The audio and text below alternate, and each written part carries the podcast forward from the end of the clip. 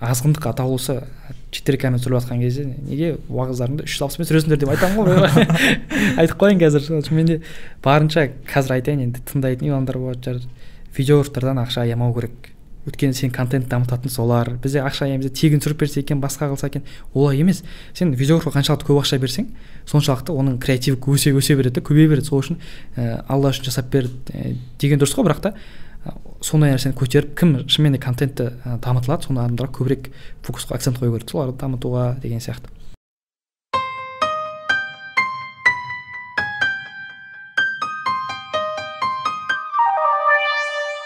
Абылай қош келіпсің. Қош көрдік. Ә, көргеніме өте қуаныштымын. Мен де өте қатты қуаныштымын. Шақырғандарыңызға. Ә, админ анонның бүгінгі қонағы ә, діни блогер нұр мүбарак университетінің магистранты абылай кенжалы. Мен алғаш рет сені тик токтан көрдім. Иә иә мен үшін ол жаңалық болды. Тик токтан біріншіден ә, сондай контент көру яғни иә діни контент көру және оның үлкен сұранысқа ие болып жатқанын көру ә, күтпеген жағдай болды да. Иә өйткені біз тик токтан басқа контентті көріп үйреніп қалдық қой. Ә, не себепті тик ток және ә, қалай басталды өзі ә, ассалаумағалейкум жалпы ә, тик токқа кірместен бұрын ә, тик ток негізі ә, хит болып жатты ғой. Әркім бір видео салады инстаграм видеолардың барлығы тик токтан келіп жатыр деген ә, нелер көп болды. Тик токқа кіріп көрейін дедім. Ол кезде менің аккаунтым да жоқ ә, кіріп көрдім. Кірсем ішінде енді ә, азғындықта толы толы бірақ жақсы пайдалы контенттер де өте көп екен да. Одан кейін ә, қарап отырмын ә, басында ыңғайсыздау болды видео салсам қайтеді екен ойлар болады. Бірақ қой ұят болар. Тик ток деген біздің ә, стереотип қалыптасып қалған ғой тек қана азғындықтың жері біреулер түк мағынасы билейтін жер ән айтатын жер деген сияқты. Бірақ олай емес екен тик токқа кірдік. Негізі бірінші себеп тик токқа кіруге. Бұл пайдалы контент беруден бұрын әр істі өз ә, ісінің яғни былайша айтқан кезде тым болмағанда диплом бар адам айтса жақсырақ болар еді дедім өйткені тик токта діни блог түсіріп жүргендер болды. Бірақ ә, біріншіден олар діни оқу орнында оқымаған. Екінші олардың рұқсаты да жоқ. Сосын айтып жатқан әңгімелері көбісі қисынға келмейді. Мен оларды бір сынау үшін де бір нәрсе ұсынуым керек қой. Сынасаң өзің ұсын дейді. Ана бар ғой критикуешь предлагай. Иә. сол нәрсе сөйтіп кіріп көрдім. Алғашқы видеолар шықты. Тик токта ә, енді бірден көтеріліп кетті ол. Жүз мың тіпті миллионға жеткен просмотрлар да бар тик токта енді қарасам ә, жас балалардың оның ішінде ә, сұраныс сұрақтары өте көп екен. Олардың барлығы имамға барып сұрақтарын қоя алмайды. Олар кішкентай жас балалар ғой негізі. Сөйтіп кіріп көрдім сұрақтарына мейлінше жауап беруге тырысып жатырмын әрқайсысына комментке жауап бересің. Көбінесе байқағаным енді тик токта ә, жастардың ішінде проблема өте көп екен да. Аға осындай болып жүр ата анам ұрыса береді не істесем болады. Мен шаршап кеттім тіпті ә, бір он шақты рет болған шығар. Комментке әдейі байқап отырамын. Аға мен өлгім келеді не істесем болады деген комменттер өте көп та. Мен түсінбеймін да ол кішкентай балалар қандай медианың құрбаны болып жатыр оларға кім ә, қандай пропаганда жүргізіп жатыр не көріп жатыр не, не ішіп жатыр ол неге кішкентай 14 15 жасар балалар аға мен өлгім келеді не істесем болады? деген сұрақ қояды деп ойланамын да. Сөйтіп сондай бір сұрақтар сондай бір ә, сұраныстар тик токқа кіріп видео салу қатты бір түрткі болды да. Иә басында тик токқа кіргенімді ешкімге айтқан да жоқпын. Туысқандар группаға жіберіп жатыр сені кішкентай үйдегі балалар көріп қалыпты ғой деп сөйтіп ә, инстаграмға айтуға ұяласың ғой тик токқа кіріп жүрмін деп видео салуға сөйтіп басында видео салып жүрдім кейін біле бастады инстаграмдағы ә, оқырмандар. Инстаграм неге көрінбей кетті тик токта жүр екенсіз ғой деген сияқты әңгімелер болып жатыр. Тик токқа не үшін жастардың ықпалы көбірек деген сұрақ бар да. Өйткені бұған ә, бір жақсы жауап естідім. Адамдар дейді инстаграмда жалған өміріне шаршаған дейді. Инстаграмда барлығы тек әдемі киімдерін салады әдемі ең мықты ойларын салады посттарын. Одан кейін жаңағы қай жерде тамақ ішіп отыр қандай кофе ішіп отыр соның бәрін салады ғой. Бірақ тик токта бәрі шынайылы дейді да мысалға ауылда қой бағып жүрген балаң өзі көтеріліп кетіп жатыр. Иә иә. Үйінде қарапайым жерде ә, видео переход жасап сондай видеоблог түсіріп жүрген балалар да бар. Тик ток бір балаларға андай не ашып берді да сен қандай жерде тұр- тұрсаң да кім болсаң да қандай болсаң да сенің потенциалың бар. Яғни былайша айтқан кезде тик ток жас балалардың потенциалын ашып жатыр. Сол үшін жас балалар көбіне тик токта отыр. Оған сен тыя алмайсың. Өйткені инстаграм қазір ондай емес та ә, енді қазір тик токты жамандайтындар өте көп. Ә, азғын видеолар тағы басқа деген сияқты. Бірақ тик токта өзінің алгоритмі бар. Рекомендация дейді. Саған қандай видеоны сен до конца соңына дейін көрдің қандай видео саған қызық саған тек сол видеолар шығарып отырады да тик ток болды. Яғни сенің рекомендацияңнан сенің кім екеніңді білуге болады да қандай видео қарайтыныңды саған қойылған диагноз дейсің иә саған қойылған диагноз ол тик токта рекомендация ғой нені көресің кімді көресің оның бәрін біледі алгоритмдар енді ә, оны жамандаудан аса бір пайда жоқ сияқты. Өйткені жамандағаннан кейін жаңа айттық қой. Бір аналог түсінік беру керек міне сен осыны көрмесең а сен мынаны көр деген сияқты. Тик токта енді азғын контенттер ол өз дәуірі өтті. Қазір ә, онша көп көрмейтін де сияқты мен байқап жүрмін. Шықпайды да мүлдем. Тіпті ә, қазір стоматологтерде ә, химиктерде физиктерде кәдімгідей небір креативті видеолармен өздерінің яғни жақсы пайдалы контенттер ұсынып жатыр да. Мен оған өте қуаныштымын. Өйткені біз қазір енді өкінішке орай сондай бір құрбан болып кеттік. Клиптік мышление дейді ғой. Соның құрбаны болып кеттік. Қазір біз бір минуттық бес минуттық видеоның өзін қарай алмаймыз. Бірақ он бес секунд. он бес секунд. Нормально. Бірақ кейін ол да азайып бес секундқа болып қалатын шығар. Бірақ біз енді сондай құрбан болып кеттік. Тіпті бұл клиптік мышлениенің құрбаны өте қатты болып кеткен бір себебі біз тіпті қазір киноның өзін соңына дейін көре алмаймыз. Қандай кино көре аламыз? Жаңа ішінде склейка дейді ма видеолар бір он секунд сайын ауысып тұратын бір кадрлар болады ғой. Мысалы марвелдің киноларында. Түсінбей жатасың ғой не болып кетті мына жақтан мынау шығады мына жақтан мынау шығады. Сондай видеоларды ми көре алады. Бірақ енді ми ол жерде оған саналы түрде бір мағына бере алмайды да. Не болып жатыр өзі деген. Сөйтіп енді ә, бұл өте қиын жағдай. Бірақ енді біз қиын жағдай деп өйтіп қалдырып қалдырып қоймаймыз ғой. Қандай нәрсені қабылдай алады сондай бір форматта бере алуымыз қажет та яғни қандай нәрседе пайдалы болуы мүмкін. Мысалға жаңа таныстырдым ғой діни блогер деп сұрақ қоюы мүмкін. Бұл қандай иә сақалы жоқ иә басында тақиясы жоқ қандай қандай діни блогер деп. Бірақ енді мен қазір тақия киіп отырсам мені қабылдау кейбір адамдарға қиынырақ болады. Ой мыналар әлі сөйлеп жатыр тағы сөйлей береді екен деген сияқты. Бірақ мені қабылдау қалай жеңіл? Сол айтқан дұрысырақ та. Мысалы мен жастарға контент ұсынғаннан кейін жастар сияқты сөйлеуім керек жастар сияқты жүруім керек олар нені көреді мен соны көруім керек. Өйткені мен жастар мына жақта мен мына жақта екеуміз екі түрлі әңгіме айтып жатсақ болмайды ғой. Сол үшін енді біздің де сіздің де мақсат пайда беру болғандықтан сондай бір ә, оларға сай пайдалы контент жасау керек. Өйткені ана ахмет байтұрсынның бір соның жақсы сөзі болу керек. Ана айтады ғой біздің яғни қателігіміз әрбір адам өзіне тиесілі жүкті шегіне дейін апармай келесі ұрпаққа қалдырып кетеді дейді. Мм яғни біз оны келесі ұрпаққа қалдырып кетпейік. Дәл қазір қандай проблема болып жатыр? Соны мейлінше шеше алуымызға тырысуымыз қажет деген оймен негізі ток бастап кеттім. Енді әлде де түсіруге тырысамын өйткені тик токта жаңа айттық қой. Әр адам өзіне яғни өзінің қалай айтсақ болады бір саласына қатысты сөйлесе жақсырақ болар еді да. Өйткені пайғамбар хадисте бар да. Адамның исламды жақсы ұстануы өзіне қатысы жоқтан бас тарту дейді. Яғни бұл жерде бұны ә, түсіндірген ғалымдар өте көп та. Неге дейтін болсақ адам белгілі бір шыңға жету үшін иә болмаса мемлекет мықты ә, шекке жету үшін жоғары дәрежеге әрбір адам өз саласының маманы болу керек та. Инженер басқаға араласпау керек мынау мына жұмысқа араласпау керек. Әркім тек өзіне тиісті салаға араласса сол нәрседе мықты болса міне сол кезде бір мемлекет мықты орнайды да шынымен де. Ыыы джеки жақсы сөзі бар ғой бір. Ә, великий болу яғни ұлы болу қиын емес дейді. Тек бір іспен ұзақ айналысу керек дейді бұл сол нәрсе ғой әркім тек өзінің саласында бір мықты соңына дейін бара алса ол кезде шынымен де мықты бір не құрылады да. Енді сол айтқым келгені ә, жаңа айттық қой енді клиптік мышлениенің құрбаны болып кеттік деп. Енді бізде айтады да көбінесе сендер проблеманы айтасыңдар да шеш, шешпей кетіп қаласыңдар дейді. Бірақ енді айтып кетейік енді оның құрбаны болмас үшін көбінесе енді әдебиет оқу керек екенін жастарға айтады әдеби кітап оқы. Өйткені қаншама зиялы әдеби кітап жазып кетті не үшін жазып кетті деп ойлаймын соларды. Қазақ арманшыл болсын мысалы визуализация дамысын визуально елестете алсын қиялшыл болсын деген мақсатта жазып кетті деп ойлаймын ә, зиялыларымыз. Енді соны әдеби кітап оқыған кезде адам сәл бір клиповый мышлениенің несіне арылады да.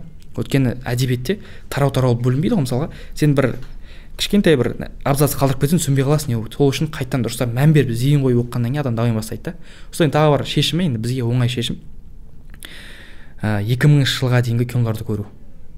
Өйткені иә, ода кадр көп ауыспайды да. Көркемдік жағынан да иә диалог ұзағырақ болады түсінуге тырысасың да. Сондай киноларды енді шынымен нәпсіге қиын ол. Ауыр да адам өзіне. Бірақ соны көріп амал жоқ сонымен тырысу керек. Өйткені джеймс мартин деген екі сөз бар бір жақсы сөз бар. Адамдар екіге бөлінеді дейді қазіргі заманда. Оны тоғыз жүз тоқсаныншы жылы айтып кеткен. Мың тоғыз жүз тоқсаныншы жылы біреуі клиптік мышлениенің құрбаны және екіншісі кітап оқитындар дейді да бұл. Екеуі. Ал клиптік мышлениенің құрбандарына кітап оқы деп айта алмайсың дейді. Оларға басқа бір формат ұсынасың. Мына кітап оқитын адамдар олар онсыз да дамып кет, әрі қарай кетіп жатыр дейді. Сол біздің мақсат осындай бір аз ғана нәрседен ұзағырақ өзіміздің фокусты әрірек ұстап тұратын нәрсеге тырысу. Бір рая далана деген бір зерттеушінің жақсы сөзі бар. Гормондар зерттеген адам ғой адам дейді да күн сайын ұйқыдан тұрған кезде ода екі таңдау болады дейді. Күн сайын адамда сондай ми солай қалыптасқан дейді. Ә, қысқа және ә, е біріншісі жылдам және аз. Екіншісі ұзақ және көп дейді. Екі ақ таңдау жылдам және аз деген қалай мысалға таңертең тұрып тик ток қараған не болмаса бір инстаграм лента ақтарған адамға оңай. Ол жылдам болатын рахат та қазіргі рахат. Бірақ ол аз рахат. Сонымен бітіп қалды оның рахаты. Ал ұзақ және көп деген қалай? Сен қазір таңертең тұрасың да кітап оқисың бірақ оның рахатын қазір көрмейсің. Бірақ кітаптың рахатын қашан көресің? Сен тұла бойыңа сіңген кезде оны шынымен саған көмектесіп жатқан кезде өзіңнің ортаңда сен сәл дәрежеңнің өскенін білген кезде барып біле бастайсың. Бұның рахаты ұзақ та. Бірақ миға жеңілдеу рахатты алған әлдеқайда тиімдірек оңайырақ та. Бұның тағы бір мысал мысалға айтады. Сенде қазір қолыңда төрт жүз мың теңгедей ақша болсын дейді мың доллар. Сен айфон алуың мүмкін он екінші я болмаса сен бір өзің бір тұлғалық даму курсына қатысуың мүмкін дейді да. Мысалы кайдзен болады жаңағы майндмэп кез келген бір курсқа қатыссаң болады. Бірақ қайсысы жеңілірек қайсысы көп рахат береді дейді да айфон әрине. Бірақ оны сен аласың бір оның әрі кетсе рахаты бір екі аптадан кейін бітіп қалады. Үш күн. Үш күн ғой енді максималды. Басында алған кезде андай аккуратно қойып сөйтіп жүресің ғой бір не істеп бетін сызып алмайын басқа пленкасын алмай біраз иә сөйтіп жүреміз ғой бірақ енді біздің негізі негізгі болу керек мақсат және жылдам және аздан ұзақ және көпке қарай өту. Соны енді жастарға ә, мейлінше көбірек айтуға тырысамыз да өйткені біз қазір енді қазір тек өзіміз ойлауымыз мүмкін бірақ біздің баламыз болған кезде кейінгі ұрпақ болған кезде сен айтады да сен уже жүз жылға ары қарай ойлана бастайсың дейді. Бірақ қазір сен олай ойланбауың мүмкін бірақ сен балаң болған жүз жылға ары ойлана бастайсың. Өйткені мен ертең енді біз де сіз де қаламаймыз ғой. Ә, баламның біреуге сұрақ қойған аға өлігін біледі не істесем болады деген сияқты. Ауыр сұрақ иә. Өте ауыр сұрақ қой. Оны көп болып жатыр ғой құрбаны. Кеше мысалға ұбт дан құлап қалып өз өзін өлтіріп жатқан. иә түркістан өз өзін өлтіріп жатқан қарындастарымыз бар екен. Ол өте қиын жағдай. Ә, енді сол үшін барынша енді қазір ә, бір илон масктың жақсы сөзі бар. Аптасына қырық ақ сағат жұмыс жасап ешкімді әлемді өзгерткен емес дейді. Сол үшін енді барынша енді әлемді болмаса да бір өзіміздің бауырларға біз жауаптымыз ғой қазақ балалары. Біз басқа ә, орыстар үшін немесе басқа ұлттар үшін жауапты жауапты біз бірінші ертең жауапты болатын нәрсеміз өзіміздің қатарластарымыз өзіміздің іні қарындастарымызға жауапты боламыз. Сол үшін соған бір көбірек көңіл бөлсек әлдеқайда бір жақсырақ болатын еді сол үшін енді ә, барынша бізге жақсы бір медиа аналог жасап беру біздің міндет. Өйткені ә, мысалы қарайтын болсақ енді байқаймыз ғой ютубта. Қазақша пайдалы контенттер өте аз. Кәдімгі жоқтың қасы десек өте аз да. Мысалға көршілес орыстардың өзімізде ян топлес деген бар мысалы ресейде. Көп қой енді пайдалы блогтар опт бар. Мысалға жаңағы американдықтардан жаңағы томас франк ә, эван кармайкл. Енді бүкіл мықты ә, жасайтындар барлығы бүкіл не ұлттарда бар бірақ бізде аз да өте. Енді айтады да мысалы мысалы мен енді біз сондай жоба жасауға ниеттіміз. Бірақ енді біздің жобаның негізгі мақсаты жаңағыдай пайдалы білім беру ғой. Бірақ біздің ойлап тұрған нәрсеміз пайдалы білімді тегін берсе жақсырақ болатын еді деймін да. Өйткені қазір енді жақсы мықты ақпараттар бар мысалға. Тайм менеджмент курсы болсын кайдзен болсын жаңағы интернет карта қарапайым эвернот пен треллоны қалай қолдану керектігін білмейді да көбісі. Соны үйрететін курстар бар бірақ ол я ақылы болады. Я ютубта профессионалды үйретпейді да оны. Бір орыстан бір басқа бір блогтардан аударылады бірақ соны профессионалды түрде бере алатын адам тегін берсе жақсырақ болатын еді деймін да. Енді көбісі айтады да мысалы қазір білім беретін платформалар саған оқырман жинап бермейді сенің ә, нең өзектілігің аз болады деген бірақ олай емес. Сен бірін жасап көрсет одан кейін болып жатса айтасың да. Өйткені адамның жалпы болмысында танымға деген білімге деген махаббат бұрыннан бар. Яғни солай жаратылған адам танымға білімге деген өйткені ең бірінші аяттың өзі оқы деп түседі ғой. Адамға білген ә, жүрегіне жайлырақ та мысалға айта алмайсың оптекс жаңа ян топлестердің миллионнан аса аудиториялары бар да өздерінің. Өйткені адамға қызық жақсы ақпарат алған. Енді айтады да мысалға не үшін адам жақсы ақпараттан ләззат алады дейді? Біз ол ақпаратты иә инстаграмнан иә оны жақсы пайдалы ютуб контентті алсақ болады да. Бірақ айтады да не үшін бізге ақпарат алу тиімдірек яғни жүрекке жағым десе бізде ген бар ғой. Ол мыңдаған он мыңдаған жылдар бойы ұмытылмайды ғой память деген нәрсе гендағы жад сол айтады бұрын біздің енді аталарымыз арғы бабаларымыз мысалға ә, бір жақсы ақпарат оларға өте құнды еді. Мысалға бұлардың басы ауырса менің басымды қандай шөп емдейтінін білмейді олар мысалға. Бір жалбызды қайнатып ішу ол күнде күн сияқты күн, күніге өмірлері оған эксперимент тәжірибе да қалай дұрыс болады екен жануарды қандай қару өлтірген дұрысырақ болады екен қалай аң аулау тиімдірек болады олар ақпарат күн сайын іздеді. Сөйтіп бұл ақпаратқа қанық болғаннан кейін олар рахаттанады да мә таптым мына жауабын деген. Бізде сол ген әлі сақталған да біз сондай бір инстаграм ақтарған кезде тик ақтарған кезде біздің ойымыз ә, бір жақсы ақпарат алып қалатын шығармын. Ми ми өзін ойлайды да бұл шынымен де пайдалы нәрсемен айналысып жатыр әрмен қарай қарай бер деп ше. Өйткені адам деген енді қазіргі кезде өкінішке орай биоробот болуға сәл ақ қана қалып тұрық қой. Ә, біз көбіне сондай бір құрбан болып кеттік. Бізге нені қара дейді соны қараймыз. Қалай біз құдды бір өзіміздің ықпалымызбен өзіміздің қалауымызбен сияқты бірақ көбінесе олай емес та. Біз сол жаңа жаман жаңалықтардың құрбаны медианың құрбаны күніне көретін бес мыңға жуық плакаттың жаңағы газет журналдардың рекламалардың құрбаны болып кетіп жатырмық біз оны өзіміз де байқай бермейміз бірақ та мысалға қарапайым мысал айтайын. Мына рекламада шығатын ә, бір ойындар бар ғой бір. Адамдар Иә, жинап иә. жүреді теріп жүреді бүйтіп көтеріліп кетеді. Ол шыға береді ғой қайта қайта ол адам қызық емес логика жоқ ойын ғой қарап тұрсақ. Сөйтіп ііі жиырма отыз рет шыққаннан кейін мен өзім қарап сол ойынды ойнап отырмын да. Білмей қалғанмын да қалай ойнап отырғанымды. Өйткені сен миыңа бір екі рет сол нәрсені істе деп миыңа көрсете берші болды. Ол сен істейсің. Мысалы тіпті жапонияда мындай нелер бар дейді. Тегін су. Бірақ не- не- қалай тегін береді саған бір не тұрады осындай. Сен ә, бір минут басасың бір минут күтесің дейді да мысалға. Саған ә, бір минут мына реклама баннерге қарап тұрсаң болды саған тегін су береміз. Тек қана қарап тұр дейді да өзің. Назарыңды ол саған бір бәрібір көрінер. Қара қарай беремін ештеңе кетпейді деп. Бірақ сен сол бір минут қарағаннан кейін ол ми сақтайды болды. Ми бір нәрсе сақтағаннан кейін оны міндетті түрде не істейді уже тұтыну керек я алу керек. Басқаша болмайды да. Бұл жерде тағы қозғайтын мәселе. Енді айтып жатыр ғой ми істеген көргенін істейді деп. Мысалға ә, авертон терезесі деген ә, не бар ғой бір? Әлеуметтану иә. саласында. Мысалға айтады да кез келген бір радикальный нәрсені кәдімгідей ақылға қонымсыз нәрсені ақылға қонымды қылып жіберуге болады дейді да халықтың арасында. Оны көп көрсете бер оны бір влиятельный бір жұлдыз адам ба оны іс- істет. Ол кезде оңай болып кетеді дейді. Мысалға осыдан елу жыл бұрын тіпті ақш тың өзінде жаңағы лгбт басқа деген сияқты әңгімелер ол радикальный көрінді кәдімгідей. Мүмкін емес ол деп ше. Бірақ кейін кинолар шыға бастады. Бір екі адам сөйтіп мойындады. Кейін ол радикальный болған нәрсе халықтың ішінде кәдімгідей прес- престиж болды. Тіпті сен сөйтіп мойындасаң міне халықтың бәрі сенің артында бұл нәрсе қазір ә, көбінесе сондай бір нәрсе болып кетті. Ғой енді жаңа тағы айтатын нәрсе. Қазақ балалар өзіміздің қазақ қарындастарымыз жаңа ә, феминизм болсын лгбт болсын. Енді оны біздің ә, қалай айтсақ болады ішкі қалауымыз оны қолдамайды бәрібір. Адамдық не болмыс бірақ та комментарий оқысам тик токта мысалы сондай бір нелерді. Бір мың комментарияның енді жеті жүз сегіз жүзі қолдап жатыр да оны. Оны ол қолдағысы келіп қолдап жатқан жоқ. Қоғам сен соны қолдасаң сен өте бір ә, қалай айтсақ болады элитаның қатарындасың деп көрсетіп қойды да болды сен соларды қолда сен значит ә, көптің бірі емессің. Сен өзіңнің көзқарасың бар өзіңнің ойың бар деген сияқты нәрсені бізге құйып қойды.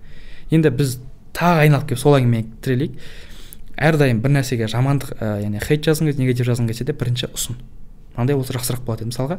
Тіпті ә, негативке байланысты. Ә, саған хейт жазған адамның өзі мысалға ол сен көрмеген нәрсені көруі мүмкін.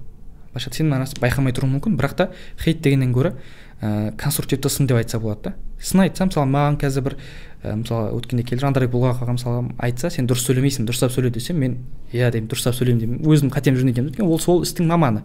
Мысалы маған келіп бір стилист келіп сен киімің онша үйлеспей тұр сары мен қоңыр үйлеспейді десе мен иә қолдайтын едім. Бірақ та айдаладағы бір саласы мүлдем басқа адам мына нәрсеге араласса оны қолдаудың қажеті жоқ. Саған да пайда жоқ оған да пайда жоқ.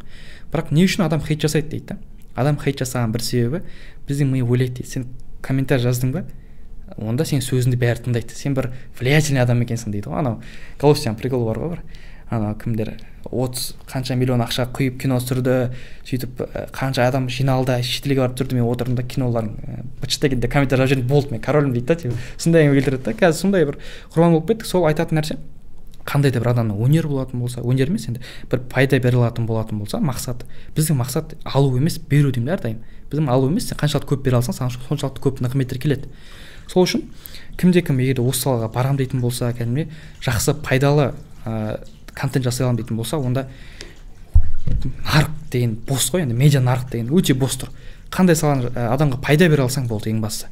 Сіздің ә, шынымен мақсатыңыз андай ақша болмасын басқа болмасын шынымен халыққа пайда беру мына азғындықты тоқтату арыс тоқтату болатын болса ә, ол нәрсенің берекесі болады.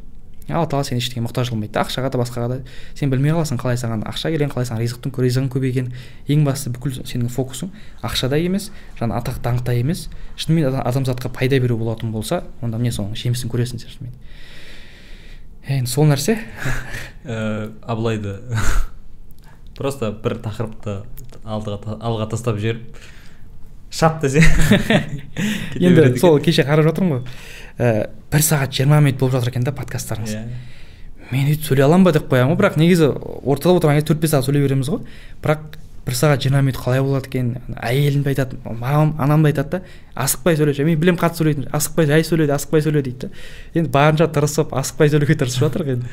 Енді ә, мынау алғашқы мына кіріспеде айтылған әңгімеңде негізі бүкіл, бүгінгі подкасттың былайша айтқанда ә, анонсы болды деп айтуға болады да. Әр әр жерінен бір тақырыпты Иә. жұлып алып ә, ортаға тастай берсек болады. Мен жаңағы ә, тик токқа қатысты айтқым келгені қазір ақпараттық соғыс қой негізі. Иә ақпараттық соғыс. Бізде ақпараттық соғыс дегенді ә, негізі адамдар көбі дұрыс түсіне бермейді. Яғни ол жаңағыдай ғой ә, тик ток ол жаман жер ол жаққа бармау керек. Болды. Ә, немесе ә, инстаграмда мынандай контент болады ол жерде осындай нәрсені ғана салу керек деген сияқты. Жоқ жаңа ақпараттық соғыс деген біз біз жасамасақ та дәл сондай контент бірақ басқа елдің контенті бізге еніп жатыр ғой. Иә иә. Біз біз жаңағыдай өлгім келеді дейтін балалар сол контентті тұтынып жатыр да. Иә. сонымен қорық, қоректеніп жатыр. Дәл сондай болмаса да қазақ тілінде ана балаларды бері қарай тартып алатын контент жасап тик ток болсын ютуб болсын ыыы былайша айтқанда ол бос кеңістік жаңағыдай бізге м жарыс қой жарыс алаңы Иә. майдан майдан бар да соғыс әркім өзінің қаруымен жаңағыдай әркім өзінің саласы өз саласының мамандары айтсын деген сол Иә. әркімнің өзінің мамандығы ол қаруы барады да жаңағыдай абылай кенжалы барады да ә, дін туралы дұрыс мағлұмат Иә. беруге тырысады жаңа бір химик білім беруге тырысады сосын мен тағы бір уролог кісіні көріп қалдым Мгм. а, ол Иә. жігіт те біраз ә, сол өзіне қатысты сұрақтарға жауап беріп жатыр ол жердегі сұрақтарды көрсеңіз жаңағыдай бүйтіп біртүрлі қаласың жаңа сен айтып жатсың ғой Иә, жас көрдім, көрдім, өлгің келіп жатыр десе ана Иә. жерде әжептәуір зіңгіттей жігіттер енді бір біз үшін біртүрлі сұрақтар Иә. енді бірақ демек ә, сондай ақпараттар адамдарға жетпей жатыр деген сөз ғой. Иә, жоқ ешкім еш жерде айтылмайды. Біреуден сұрауға ұялады сосын жаңағыдай коммент арқылы сұрайды. Иә жаңа өзің айтып кеттің мен тақия кисем сақал қойсам басқаша қарайды деп. Иә. бізде негізі ә, жаңағыдай діни діндар адам немесе намазхан адам деген кезде қоғамда мынандай об- образ қалыптасады. Ол ескіліктің адамы. Иә ол прогрессив емес. Ол кейде агресс- агрессияға толы радикал адам деген. Ол сондай образ шығады. Яғни ол ешқандай жаңашылдықты қабылдамайды бәрін жамандайды деген сияқты сондай образ қалыптасады да.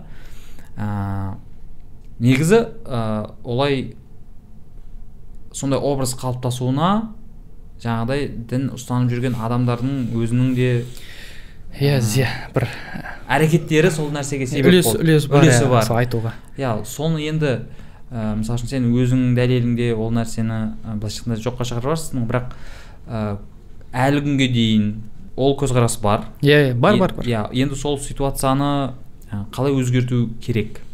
Өзгерту керек пе жалпы? Иә негізі ә, бір сөз бар ғой. Көп таралып кеткен ғой енді. Ислам ол мінсіз дін ал мен мін, мінім бар адаммын. Менің мінімді көрсең исламда мін көрме деген сияқты ше. Ол мысалға маған қарап исламға баға берме дейді ғой сол айтады да. Онда кім буддистке қарап исламға баға бере ма? Әлде бір христианға қарап исламға баға, баға бере ма? Сен қанша жерден маған қарап баға берме десең де бәрібір саған қарап баға береді ол. Бәрібір де саған қарап баға береді. Қанша айта бер. Өйткені адам солай қалыптасқан да. Біз енді қазіргі кезде ә, осы ә, мэтт хейк деген ә, бір жазушы бар. Соның планета нервных деген кітабы бар да бір. Сол жерде айтады да бір. Ә, жалпы біздің ә, қазір ә, жаңағы бұқаралық ақпараттар құралдары болсын барлығы бізге негатив жаңалықтарды көп көрсетеді да мысалға. Ә, осындай бір радикалды терроризм болыпты басқа болыпты я болмаса үй бүйтіпті осындай имам мынандай бұзақылық жасап қойыпты деген сияқты. Бірақ бізден адам болғаннан кейін ә, бір ақ парақ болса ішіндегі бір қара точка болса қара точка бірінші көзіне түседі ғой. Негізі солай да бірінші жаман ой адам бәрібір де ә, жаман нәрсеге бірінші қарайды енді жаңалықтар айтады айтпайды ғой дейді да мысалға. Бір самолет құласа ә, самолет құлады деп қаншама ә, жырғып айтады дейді да мысалға. Бірақ ә, күніне мыңдаған самолеттер аман сау келіп жатыр олар айтпайды дейді ешқайсысын. Сондай бір нәрсе ғой мысалға. Ә, қанша мұсылмандар болсын басқалар болсын бір қате жасап жатады. Бірақ жасап жатқан мыңдаған жақсылықтар бар да. Мысалға оның ішінде ә, қарапайым имамдардың өзін айтайықшы. Мен мысалға бұрын имам да болдым ұстаз да болдым осы ә, кейін магистратура түспестен бұрын. сөйтіп енді имамдарды көп жамандайды да бірақ та. ә, жылына қарайтын болсақ мыңдаған үйге азық түлік беруі олардың тіпті квартира тауып беруі адамдарға. Кез келген адам мешітке шағым айтса оған бүкіл проблемасын жауап бере алмаса да шамасы келгенше жауап береді да проблемаларын. Соның барлығын көрмейді бірақ бір екі бір ауылда тіпті құжаты жоқ бір имам бір бұзақылық жасап қойса молда деуге болады. Бұзақылық жасап қойса соны көрсетеді да міне бүкіл қазақстан сол діни басқармасының имамдары осындай екен деп. Енді білмеймін адамдардан да оны дұрыс емес айту қаншалықты. Енді олай бәрі ойлайды ғой осындай болса біз енді шамамыз келгенше шамамыз келгенше деп айтайыншы меніңше өзімізді дұрыс қылып көрсетуге енді тырысып жатырмық қой тырысу керек әлде де. Ә, дінмен хайп ұстайтындар да бар. Ә, мысалы әзілің өткің келсе дінді қос мысалы жайдарман болсын басқа болсын. Енді әр нәрсенің шегі бар ғой. Сол нәрседе енді дінмен өйткені бұрын ә, қазақта енді ата әжелеріміз дін туралы ауыр нәрсе айтуға қорқатын. Ештеңе айтпайтын. Ә, тек өзін алла алла деп намазын оқып сөйтіп жүретін да бірақ қазір енді дін туралы теманы ешкім қозғамағаннан кейін кім сол теманы қозғайды міне хайп сол жерде басталады да мысалға. Тіпті ә, подписчик керек болып жаңағы медианың тәуелді болған адамның өзі мысалы бір қызды алайықшы орамал киеді. Міне мен орамал кидім деп бұрын ә, охваты мысалға мың лайк болатын болса орамал кигеннен он мың лайк болады да. О машалла сен намазға келіпсің ух ти сондай бір сөздер басталады біздің неміз деп. Сестра анау деген сөйтіп әңгімелер басталады өте жақсы. Одан кейін не үшін ол нәрсені істейді? Көбінесе енді ә, барлық демей ақ қояйын бірақ кейбір бизнес тренерлер бар да. Сен яғни бірінші өзіңді сата алуың керек. Ол қалай өзін сату деген? Мысалы андай сен өзіңнің тауарыңды алуға стоит екенін білдіру үшін сен бірінші өзің стоящий адам екенін көрсетуің керек дейді яғни сен орамал кисең о мынау бізді алдамайды ғой мынаның курсы бір нәтиже береді онда дейді. Я болмаса ол бір орамал кигеннен оған аудиториясы көбірек сенеді да. Не, істесе де мына жаққа барса да мына жаққа барса да. Одан кейін ә, бір жағдайлар болады. Енді өзінің подписчигін көбейтіп алады оқырмандарын көбейтіп алғаннан кейін бір жағдайлармен орамал шешіп тастайды. Анау қарсы болды мынау қарсы болды менің ә, тіпті ойландым бүйттім сөйттім менің шынайы ә, өзімнің миссияма бұл орамалым қарсы болды яғни кедергі болды деген сияқты ойлармен шешіп тастайды. Одан кейін тағы хайп жинайды. Оған хайп жинап беретін тағы да біздің мұсылман бауырлар неге жүйттің неге бүйттің деген сияқты әңгіме бірақ негізі біз о баста ешкімге хайп жинап бермеуіміз керек еді да. Кидің ба? Дұрыс ол сенің парызың. Болды ол талқыланбайды. Сен өзің жеке құлшылықтарың ғой оны. Оны халыққа көрсетіп жеке қылып оны мүлдем қажеті жоқ та. Сосын жаңа айтып кеттік қой енді. Көбінесе сондай бір қара дақтар түсіп қалып біз сондай бір көзқарас қалыптасып қалды деп. Бірақ енді кез келген адам жалпы өзі критикалық ойлау деген болады да мысалы критическое мышление. Бір нәрсе болып жатса е бәлкім мына жағында бар шығар деген сияқты ой болу керек кез келген адамда. Ә, бұны критическое мышление деген нәрсені жақсырақ түсінгіңіз келсе кімнің? Асқар жұмаділдаев ағамыздың. Сұхбаттарын көрсеңіздер болады. Мен өзім асқар жұмаділдаев ағамыздың. Бүкіл сұхбаттарын тыңдап тастаған шығармын ютубтан? Ол кісінің ойлауы мүлдем басқаша ғой. Иә енді адам қыз жүрек иә қыз жүрекпен төлегенде мысалы бекежан дұрыс дейді да мысалы ондай ойламайсың ғой өйткені қалай берді саған кішкентай кезінде? Солай қалыптасып қалғанымыз болды. Сол дұрыс мынау жаман мынау жақсы мынау жаман деп. Бірақ та шынайы кез келген кинода болсын сен жағымсыз персонаждың өзін дұрысқа шығарып көрші мысалға. Неге олай істеді не себеп болды деген сияқты. Сенде ойың басқаша қалыптасады сол кезде сен әркімді жамандай бермейсің тек қана жаман жағын көре бермейсің басқа да деген сияқты. Менің ойымша жаңағыдай не үшін ондай сөздер айтылады оның алғы шарты не болған сияқты жаңағыдай. Ә, намазхан адамды жаңағыдай дін ұстанатын адамды біз идеализировать етіп жүргеніміз да. Иә ол да бар. Кіршіксіз деген сияқты. Өйткені кезінде мынандай әңгімелер көп айтылатын ә, жаңағы квартира етеміз ғой. Сол кезде е намазхан балдар деп. Иә иә. Солай квартираға солай сенім кіріп алу үшін сондай ә, сенім сөзін айтатын. Гарантия. Ал қазір айтсаң қазір ол қабылданбайды өйткені жаңағыдай ә, сирияға кеткен бауырларымыздың yeah. Оқиғалары бар. Қазір оның бәрі негатив қабылданады. Бірақ енді мен де айттым ғой жаңа мүмкін оған да ә, біздің бауырларымыздың жаңа үлесі бар. Өйткені ә, радикал әрекеттер агрессив әрекеттер көп көрініп жатады да. Мысалы үшін иә ә, дінге қатысты жаңа әзіл болсын иә. Мен өзім әзіл саласында жүргеннен мен былай есептеймін. Кез келген тақырыпты әзілдеуге болады бірақ смотря қалай деймін. Сен қандай иә иә. форматта беріп жатсың ол әзілді? Yeah. егер әрине влог айтсаң әрине ол ауыр ауыр тиеді. Сондай әзілдер немесе әңгімелер айтылған кезде астында хейт және агрессив хейт коммент жазатындар сол бауырлар. Иә. Yeah. сол содан келіп мен енді көп таныстарым айтып қалады да мыналар былай жазып жатыр демек бұлар осындай иә. Деген өйткені көзге бірінші не түседі? Көпшіліктің реакциясы түседі ғой. Содан кейін ә, оған болған реакциядан адамдардың көзқарасы қалыптасады. Мысалы үшін ә, кеше осыдан үш төрт ай бұрын ба ана шарли хебдо деген журнал бар ғой франциядағы. Пайғамбарымыз пайғамбарымыздың несі а иә. Соның мысалы үшін жаңағыдай ә, бас редактордың басын алды деген жігітті батыр қылып жіберу ә, яғни а бұлар адамның басын шауып алуды дұрыс көреді. Иә yeah, yeah. демек бұлар осындай бұлар жауыз деген yeah. сияқты. Сондай көзқарастар қалыптасып жатыр да. Менің ойымша жаңағыдай намазхан бауырларда критический мышление ол жаққа да керек сияқты да. Иә иә. жаңағыдай ситуацияларға реакция білдірерде де Иә, өте иә. сақ болған дұрыс сияқты. Иә өте дұрыс айтасыз. Шынымен де ә, мысалға бір жаман нәрсе көріп қалдың ба? мысалы ана нәрсе бар да сен мысалы бір бауырыңа насихат айтқың келетін болса сен оны көпшіліктің көзіне айтсаң оны араб тілінде фадиха дейді насиха деген бар фадиха.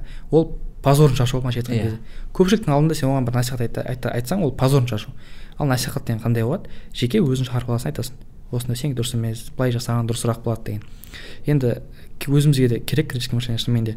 Өйткені мысалға ә, көбінесе сондай бір комменттерде байқаймыз ғой. Астағфирулла бір нәрсе деп қатты айтып жатады ғой. Енді бір бауырым айтады да өйткені сондай бір кісі айтып айтады да астағфирулла деп енді. Астағфирулла аудармасы не дейді да ол. Алладан кешірім сұраймын деген сөз ғой.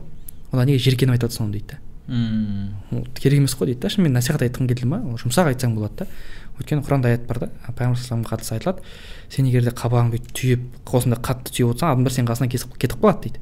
Шынымен де біз барынша енді жұмсақ түрде жеткізуге тырысу керек қой. Критически ойлау керек мынандай мына жағын да қарау керек ананы енді оны айта берсек көп қой.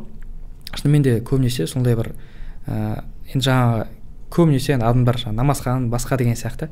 Намазхан болмаса да сөйтіп қарыз алады басқа қылады әйтеуір кейін қайтармай әйтеуір сөйтіп уже не істейді ғой шегіне жетеді ғой. Жаңа бұдан кейін ол бір адамға сен намазханнан көңілі қалды ма? Мысалы бір адам намазхан көңіл бүкіл намазхандар не істейді? Одан кейін өзінің қасындағы ортасына айтады да намазхандар осындай деп. Бұл бір адам он адамға айтады он жүз адамға сөйтіп таралып кетеді да бірден. Жақсы жақтан көрмесе де басқа қылса да. Бірақ енді сондай бір нәрсе болып кетті. Ііі өте жаңағы өкінішке орай енді. Бұл темада бір кө- ә, әңгіме айту да қиын қазір маған да хейт жазады. «Ә, былай айтып жатрсың былай айтып жатрсың деп. Енді иә, хейттен қорқа берсек те ол болмайды ғой бәрібір де. Жасау керек қой. Жоқ қазір былай ғой. Әркімнің өз шындығы бар дейміз ғой. Иә иә. Бірақ ақиқат біреу. Ақиқат а ақиқатты айтсаң жек көрінішті боласың. Иә. өйткені сен анаған ұнайтын шындықты Иә. айтпадың да ол өзіне ұнайтын нәрсені естігісі келіп тұрды. Бірақ сен ақиқатты айтып едің ол қабылдай алмады да саған хейт жазады. А сен иә. екенсің. Мынандай жақсы сөз бар да бір. Ә, солих деген бар ә, муслих деген бар салиқалы адам деген бар сосын муслих деген бар. Салиқалы адам дегеніміз не? Өзі салиқалы оны бәрі жақсы көреді да өзі дұрыс адам сөз сөз ана түзу. Бірақ муслих дегеніміз салиқалы қылушы адам да. Ол ә, басқаға не айтады ақыл айтады да. Яғни былайша айтқан кезде ақиқат ай- айтушы кісі оны бәрі жек көреді дейді да бір сондай нәрсе ғой сен өзің салиқалы болып жүре берсең болады. Бірақ енді сен бәрібір де өзің ғана жүре бермейсің ғой. Басқаға айтуың керек ақиқат айтуың керек. Бәрімізде мақсатымыз ақиқат айту ғой. Жеткізу керек бірақ жеткізген кезде де адамға жақпағаннан кейін ол қабылдау қиын болады да бәрібір де. Бір ғалым жақсы сөзі бар. Ғалымның атын ұмытып қалдым. Енді қазір қандай ғалым ол? деп сұрайды да бірден ше есімде жоқ қандай ғалым болса есімде болса айтатын едім айтады да. Бір диспут болады дискуссия дейміз ұтылып қалады да енді. Ұтылып қалғанда қалай? Мен сенікін қабылдадым дейді да ана ғалымдікі. М. сөйтіп ана бәрі таңқалады ғой сен қалай өзінікі не істесең де ананы қабылдап тұрсың деген кезде ананікі ақиқат екен. Ақиқат пен менің арамда ешқандай араздастық жоқ дейді да. Ақиқат болды ма? мен қабылдаймын болды. мен ақиқаттың жағындамын бәрібір дейді да. бізде қазір ақиқат бөлек нәпсі қалауың бөлек екі ортада түсініспеушілік болып жатыр да. Сол сондай бір миға орнатып алсақ ақиқат пен менің арамда ешқандай араздастық жоқ. Ешқандай ұрысқан да жоқпыз басқа да жоқпыз. Ақиқат менің досым десең мүлдем басқаша әсер етеді иә мына- мынандай нәрсе бар ғой бізде м кім айтып жатқанына қарайды да не айтып жатқанына емес. Яғни мысалы үшін ол иә иә. ә, жаман адам болуы мүмкін иә шынымен Иә. иә. Бірақ ол ақиқатты айтуы мүмкін ғой оның Иә. айтқаны ақиқат болып шығуы мүмкін. А бізге ол қандай адам екеніне қарайды немесе дәл солай керісінше өте жақсы білімді азамат дейік. Бірақ қате сөйлеп қалуы мүмкін. Иә. бірақ біз оның кім екеніне қараймыз да оның айтқан информациясын жұтып ала саламыз Иә, иә. содан жаңағыдай түрлі түсініспеушіліктер пайда болады. Иә сол айтамын ғой деймін фильтр болу керек адам басында деймін да. Проблема қашан басталады сен бір уақыт үшін тыңдап кеткен кезде басталады басқа ешқай тыңдамайсың. Біреудің артында ердің болды. Ол не айтса дұрыс та сен үшін. Ол сен ол жерде айтамын да я болмаса бүкілін тыңда барлығын тыңда болса ә, я болмаса ешкім тыңдама деймін да. Өйткені бір адамның соңынан ә, шынымен еріп кету ол қате болады. Өйткені біз бізде бір ақ идеал бар да. Мысалы мұхаммад пайғамбар саллаллаху алейхи артынан ерсек болады. Бірақ енді одан кейінгі адамдарда қателіктер болады. Алла тағала оның адам ешқандай идеальный емес екенін көрсету үшін одан бір қателіктер жасайды да. Сол үшін адамның не айтып отқан кім айтып отқанына емес не айтып отқанына көбірек мән беру керек. Бірақ кей жағдайда кім айтып жатқанына да мән беру керек. Оны білу керек қой не айтып Иә. жатқанын. Иә өйткені Маманы. өйткені мысалға бір ә, радикал дейікші радикал болмағанда енді басқа ағымдағы адам дейік. Вроде дұрыс әңгіме айтып жатыр бірақ сен айтасың ғой «Ә, дұрыс әңгіме айтып жатыр иә дұрыс әңгіме айтып жатыр бірақ та сен дұрыс әңгімелерді көп айтып айтып жатыр деген жүрегіңе сіңдіріп алсаң ана адам дұрыс адам екен деп қаласың бір күні. Ол сол нәрсені қатты қарау керек ол жерде де фильтр керек та ә, шынымен де. Ә, енді айтып жатқанымыз тағы да сол ғой. Ә, фильтр керек критикалық ойлау керек ә, мән беру керек ниетін табасыз кім айтады соны жақсы сөз бар ғой мысалы. Ә, молдаң істеген айтқанын істе істеген істеме деген. Ол жерде біз де қате түсініп қалғанбыз ғой. Молда бұзақы басқа деген сияқты. Бірақ молда дейді да негізі ол жерде түпкі мақсат. Мысалға молда саған айтуы мүмкін. Сен күніне бес уақыт намазыңды оқы ата анаңды сыйла болды. Сонымен жүре бер тыныш деп ше. Бірақ молда түнде құлшылық қылуы мүмкін. Тахажжудта тұруы мүмкін. Мысалға күніге он сағат құран оқуы мүмкін басқа сен оны істеген көріп сөйтіп істеймін десең сен өзің өз өзіңді жоғалтып аласың. Былайша айтқан кезде мүлдем сынып қаласың да. Сол үшін саған диагнозын қойып бердім ба? Сен осыны істе осыны істе. Болды сен соны істеп жүре бер дейді да бұл. Айтқанын істе істегенін істеме деген сол нәрсе дейді да. Бізде бірақ қазір жаңағыдай ғой ақ парақтың ішінде қара дақты көріп қалғанбыз да соны.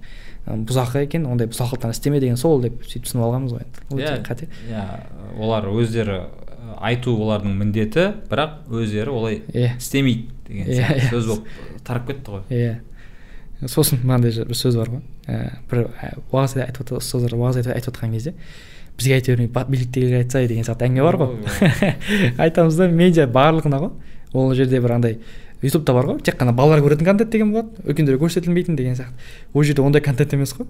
Ә, тек қарапайым халыққа билікке деген конфессияны жауып тастайтын ше оның барлығы айтып жатқан әңгіме. Ол негізі имамдар айт, имамдар айтады.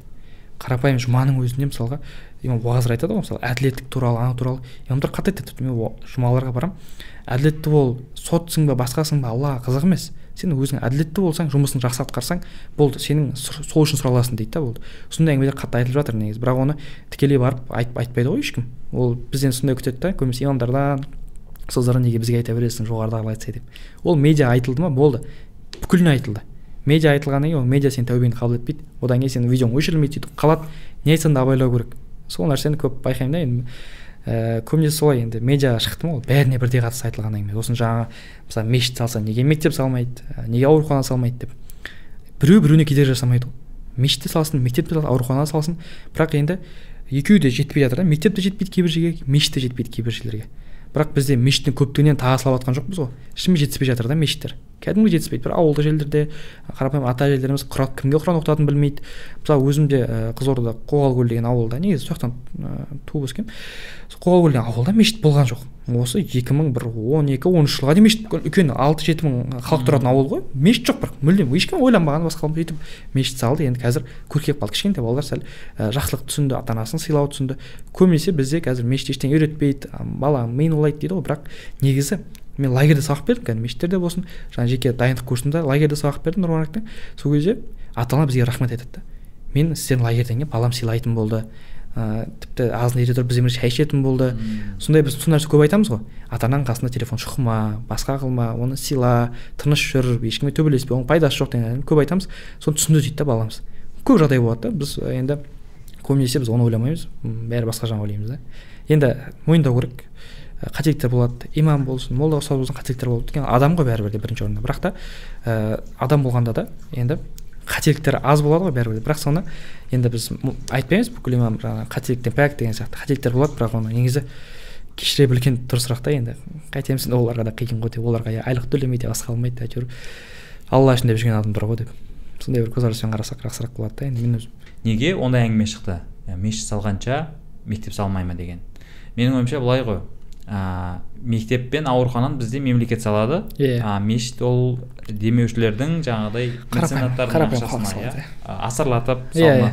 бірақ енді мысалы үшін ә, елбасымыздың өзі талай мешіттің ашылуына барды ғой. Иә. астанадағы болсын алматыдағы ә, сондай үлкен үлкен мешіттердің ашылуында болды. Сондықтан мен өзім ойлап отырмын да қазір. Мүмкін жаңағыдай ондай мешіттерге елбасының өзі барып жатқаннан кейін мынаны мемлекеттің қаржысына салынып жатыр ә, деген сондай түсінік қалыптасып жатқан шығар yeah. деген сияқты.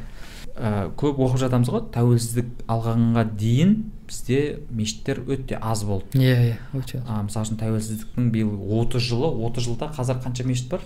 Үш мыңнан астам мешіт. Үш мыңнан астам мешіт бар. Және қаншамасы салынып жатыр иә? Иә салынып жатыр. Ә, бірақ мектеп меніңше мектеп одан көп болу керек қой енді. Одан әлдеқайда көп иә бірақ енді жаңағыдай ғой ә, мектептің салынғанын біз көп айтпаймыз yeah. ал мешіт ол негізі иә мешіттің салынуы мешіттің ашылуы бір үлкен оқиға ғой негізі иә yeah, адамдар көп жиналады жаңағыдай медиа барады ол жерге Иә. лауазымды кісілер келеді президенттің өзі келеді деген сияқты сондықтан мүмкін сондай ә, андай ештеңеге көңілі толмай жүрген адамдардың көзіне сол нәрсе сондай көріністе иә. Ә, пайда болады да. Яғни а бұлар иә көбінесе еще андай ғой? Ә, мешіт салған кезде халықтан ақша жинайды. Таргетке жібереді басқа сөйтіп енді бірақ мектеп салған кезде таргетке жібермейді ғой оны. Мектеп салып жатыр осындай ақша аударыңдар деп. Оны көп көре бермейді бірақ мешітке көп болады да. Өйткені қазір демеушілер де аз. Халықта енді қиын ғой. Демеушілердің өзінде ақша жоқ қазір. Ә, сол үшін мешітті барынша халық салуға тырысады ана жерде жүз теңге екі жүз теңге жинап берсе де соны таргетке салып жібереді. Мен сол көбінесе айтамын ғой. Таргетке салмай ақ қойыңдаршы мейлінше деп ше. Таргеттен хейт көп болады. Өйткені ол сенің аудиторияң емес біріншіден Иә, иә. ол басқа біреу оған жазып кету қиын емес. Қазір фейк деген нәрсе бар. Енді фейкпен не жазсаң да өзің білесің ғой. Сол үшін барынша өзің үлкен аудиторияң бар ма? Болмаса бір блогерге бер. Үлкен мысалы миллионник блогерге бер. Өзінің аудиториясына айтсын. Оның аудиториясы жамандамайды ғой көбінесе. Ыыы өткенде әділет рахметулла деген ыыы бауырымыз бар ғой видео иә. сол айтады да. Ә, бір атпен шауып бара жатқан қыздың видеосын салды ғой бір сонымен мықты зтб салып жіберді оны сөйтіп өзімнің инстаграмға салғанмын дейді мысалға екі жүздей комментарий бар бәрі мені қолдап жатыр дейді мықты шыққан мықты түсіргенсің басқа деп. Зтб салып еді хейт дейді барлығы қыздың неге басында кимешегі жоқ неге атың түсі мынандай неге артында су бүйтіп тұр желі бүйтіп ұшып жатыр не қыздың басына иіп тұр сондай әңгіме көп болып кетті дейді да сол үшін барынша лояльный аудитория бар адам бар ма? Соған берген дұрысырақ деп айтамын да көбінесе. Ә, жаңағындай ә, бір адамдардың күнәға батырмай қойған дұрыс та сөйтіп ә, білесің да не жауап береді. Ол астында комментарий оқығым келмейді. Білемін мешіт тұр таргет кетті ма астына кірді. Неге мектеп салмайды неге аурухана салмайды деген. Енді амал жоқ. Халық өзі сөйтіп жинап мешіт салмаса ол мемлекет салмайды. Сондай нәрсе болып тұр ғой енді. Иә бізде бізде енді жаңағыдай өз конституцияның өзінде бар ғой. Қазақстан зайырлы мемлекет. Ә, дін мен ә, мемлекет. Иә, иә алшақ. бірақ енді жаңағыдай ә, адамдардың да наразылығы бар бұлар бәрібір иә. басқарып отыр ғой деп. Менің ойымша ә, басқару емес ә, бақылау бар да өйткені бақылау болу да керек сияқты. Өйткені жаңағыдай ғой ә, біраз ә, теріс ағымдардың ықпалына еніп Иә. кету. Бізде соның өзін ә, мешітті кінәлайды ғой. Өйткені мешітке сен анау кірсін мынау кірмесін кірмесін деген не жоқ қой Иә, иә. шектеу жоқ қой. Бәрі кіреді. Бірақ ол бұрышта өздері былай кучка болып отырып алуы мүмкін. Иә. Бірақ жаңағыдай басқа адамдардың көзінше бұлар мешіттен шығып айтып жатыр ғой әңгімесін. Мешітке кірді ол оларды ешкім шығарып жүрген жоқ. Сосын ол жаңағыдай өзінің құлшылығын өтеді да шықты. И сосын ертең ол сирияда жүреді. Содан кейін иә ол негізі мысалы мешіт мемлекеттен бөлек деп айта берсек ол қиын болып қалады мешіттерге де. Иә. өйткені мысалға қаншама радикалды ағымдар бар. Мешітке бүлік шығарып кетеді. Ол кезде сен имамдар шығарып жібермейді ғой оны. Амал жоқ ә, хабарласады жаңағы мысалы полицейлерге сондайды алып кетіңдерші деп айтпайды ғой бізге шаруамыз жоқ бізге қатысы жоқ өздерің шаруаң өздерің шешіңдер деп. Сол кезде олар жәрдем береді да шынымен де мешітте алып кетеді оларды допрошивать неге кіресіңдер мешітке деген сияқты. Сондай нәрсе керек те бәрі өйткені бақылау да болу керек бір біріне көмек те болу керек деген сияқты әңгіме ғой. Ол бәрібір ол мүмкін емес сияқты екеуі жақта бөлек нәрсе. Проблемасы шеше алмай қалады көбінесе бізде мен енді мен ә, өзім жаңағыдай жақсы әдет деп есептемеймін бірақ мен мынау ә, коммент оқығанды жақсы көремін да. Мен де жақсы көремін коммент оқу. бірінші ана видео кетіп жатады ғой астын астына Иә. түсесің ана видеоның дыбысын естіп отырып астына түсіп коммент оқимын сол кезде жаңағы жазылған комменттерден ә, байқағаным бізде мешітті бір оппозициялық площадка ретінде көргісі келеді иә адамдар иә иә Яғни, өте қатты иә. дерт болып жатыр иә имамдар шығып ана жерде ей дұрыс емес сендердікі былай істеңдер Иә, иә. сондай бір призыв. Сондай сондай насихат күтеді да. А, ол жер ең бірінші жаңа біз айтамыз ғой мешіт ол жүректің тыныш салатын Иә, иә. жері. Ол солай болу да керек солай болып қалу керек та. Бірақ жаңағыдай ғой түрлі мына жақтан ықпал жасап әйтеуір бір иә. ә, бұрмалау көбейіп бара жатыр да. Комментпен болса да яғни. Барады ей ана нәрсені айтпады дейді да ренжіп шығады. Иә басқа мұңымызды кімге айтамыз дейді ғой? Имамдарға Иә. айтайық та соңғы дейді басқа. Солар шешіп берсін дейді. Ешқашан да бұрынғы 14 ғасырдан бері ислам революциялық методты қолдаған емес. Екі метод бар эволюционный мен эволюционный метод деген бар ғой. Ешқашан да бір төңкерісті қолдамайды. Қолдаған да емес 14 ғасырдан олай оппозициялық орын көрмеу керек та. Эволюциялық метод деген қалай? Мейлі ә, біздің қазіргі мақсат ә, кейінгі ұрпақтарды ұстап қалу ғой. Біз бізге дейінгі азырып кеткен басқаларды біз өзгерте алмауымыз мүмкін болды кетті. Енді мешіттің мақсаты дұрыс ұрпақ тәрбиелеу болды. Әділдікті қалайтын басқа қалайтын осындай ешкімнің ақысын жемейтін сондай бір адамдардың көкейіне жаймен жаймен исламды жеткізу. Өйткені шынымен адамдардың жүрегіне шынайы мұсылмандық кірсе ол парақор да болмайды ол жаңағы өтірік те айтпайды ол жемқор да болмайды жаңағы ә, ол бір төңкеріс те жасамайды ә, біреудің ақысын жемейді деген сияқты ғой. Шынайы ислам кіргеннен кейін жүрегіне адамның ә, шынымен де қоғам бұрын айтты бірақ мәселе жаңа айтып тұр ғой. Ә, шынайы кіргізе ала ма жүрегіне кіргізе алмай ма деген мәселе. Бізде көбінесе не үшін мұсылманбыз? деген кезде атамыз әжеміз мұсылман болғаннан кейін мұсылманбыз дейміз да. Мысалы әдет сияқты. иә мындай не дейді да былай қалай айтсақ болады бір дәстүрлі дейміз ба. Бірақ біз ол үшін мұсылман емеспіз. Біз алла бір пайғамбар елшісі болғаннан кейін мұсылманбыз. Неге солай? Енді қазір жастарға көбінесе риза болатыным жастар дінге осознанно келіп жатыр. Кәдімгідей сұрақтармен мен қуанамын ше сұрақтар қойса мен айтады да неге мынандай болады неге мынандай болады сұрақтар көп қойылған дұрыс өйткені дұрыс емес. Мысалы іште жүрген сұрақ ешкімге қойылмаған сұрақ ол бір рак сияқты ғой әйтеуір бір күні адам жеп жеп келіп соңында оны иә діннен шығарып жібереді иә мүлдем исламды жаман ойлатып жібереді сол үшін қандай сұрағың бар мейлінше қоюға тырыс. Сол үшін мысалы қазір ә, көбінесе осы діни блог жасап жүргендерге бір қуанатын жағдай. Халықты қолжетімді да олар. Мысалы халық қазір үлкен ұстаздар ерсін әміре болсын басқа ұстаздар қол жете алмауы мүмкін сұрақ қоя алмайды. Бірақ қарапайым маған болсын басқа діни блог блогерлер сұрақ қоя алады. Олар жауап бере алады шамасы келгенше. Сол нәрсе көбірек жақсы болып тұр да қазір. Сосын қазір көбінесе бір қатты бір хейт болып жатқан нәрсе араб құлдар деген термин шығып жатыр да. Бір нәрсе айтсаң араб құлдар араб құлдар бірақ шынайы айтайық осы ислам үмметінде осы көбінесе ең көп ықпалға ие болған ғалымдар арабтар емес. Мысалға имам бұхари болсын. Құраннан екінші кітап бұхаридің сүннет жинағы да. Бірақ ол бұхарадан шыққан. Жаңағы имам муслим имам термизи көптеген абу ханифаның өзі де мысалға араб емес парсы деп келеді да. Енді сол нәрседе біз айтамыз ғой біз айтып жүрген ғалымдардың тіпті сексен тоқсанға жуық пайызы өзіміздің сол самарқандтан шыққан сол фарабтан шыққан бұхарадан шыққан ғалымдар. Бірақ біз соны айтсақ та сендер араб құлсыңдар анаусыңдар мынаусыңдар деп әңгіме айтады да.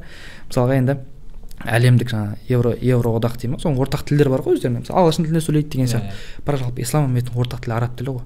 Сол үшін енді ә, мейлінше біз түп нұсқаны айтып жатқанымызды сендіру үшін сездіру үшін біз арабша сөзбен айтуға мұқтаж боламыз кейде. Мысалға мынандай ғалым мынандай айтқан екен. Арабшасын айтамыз осындай осындай.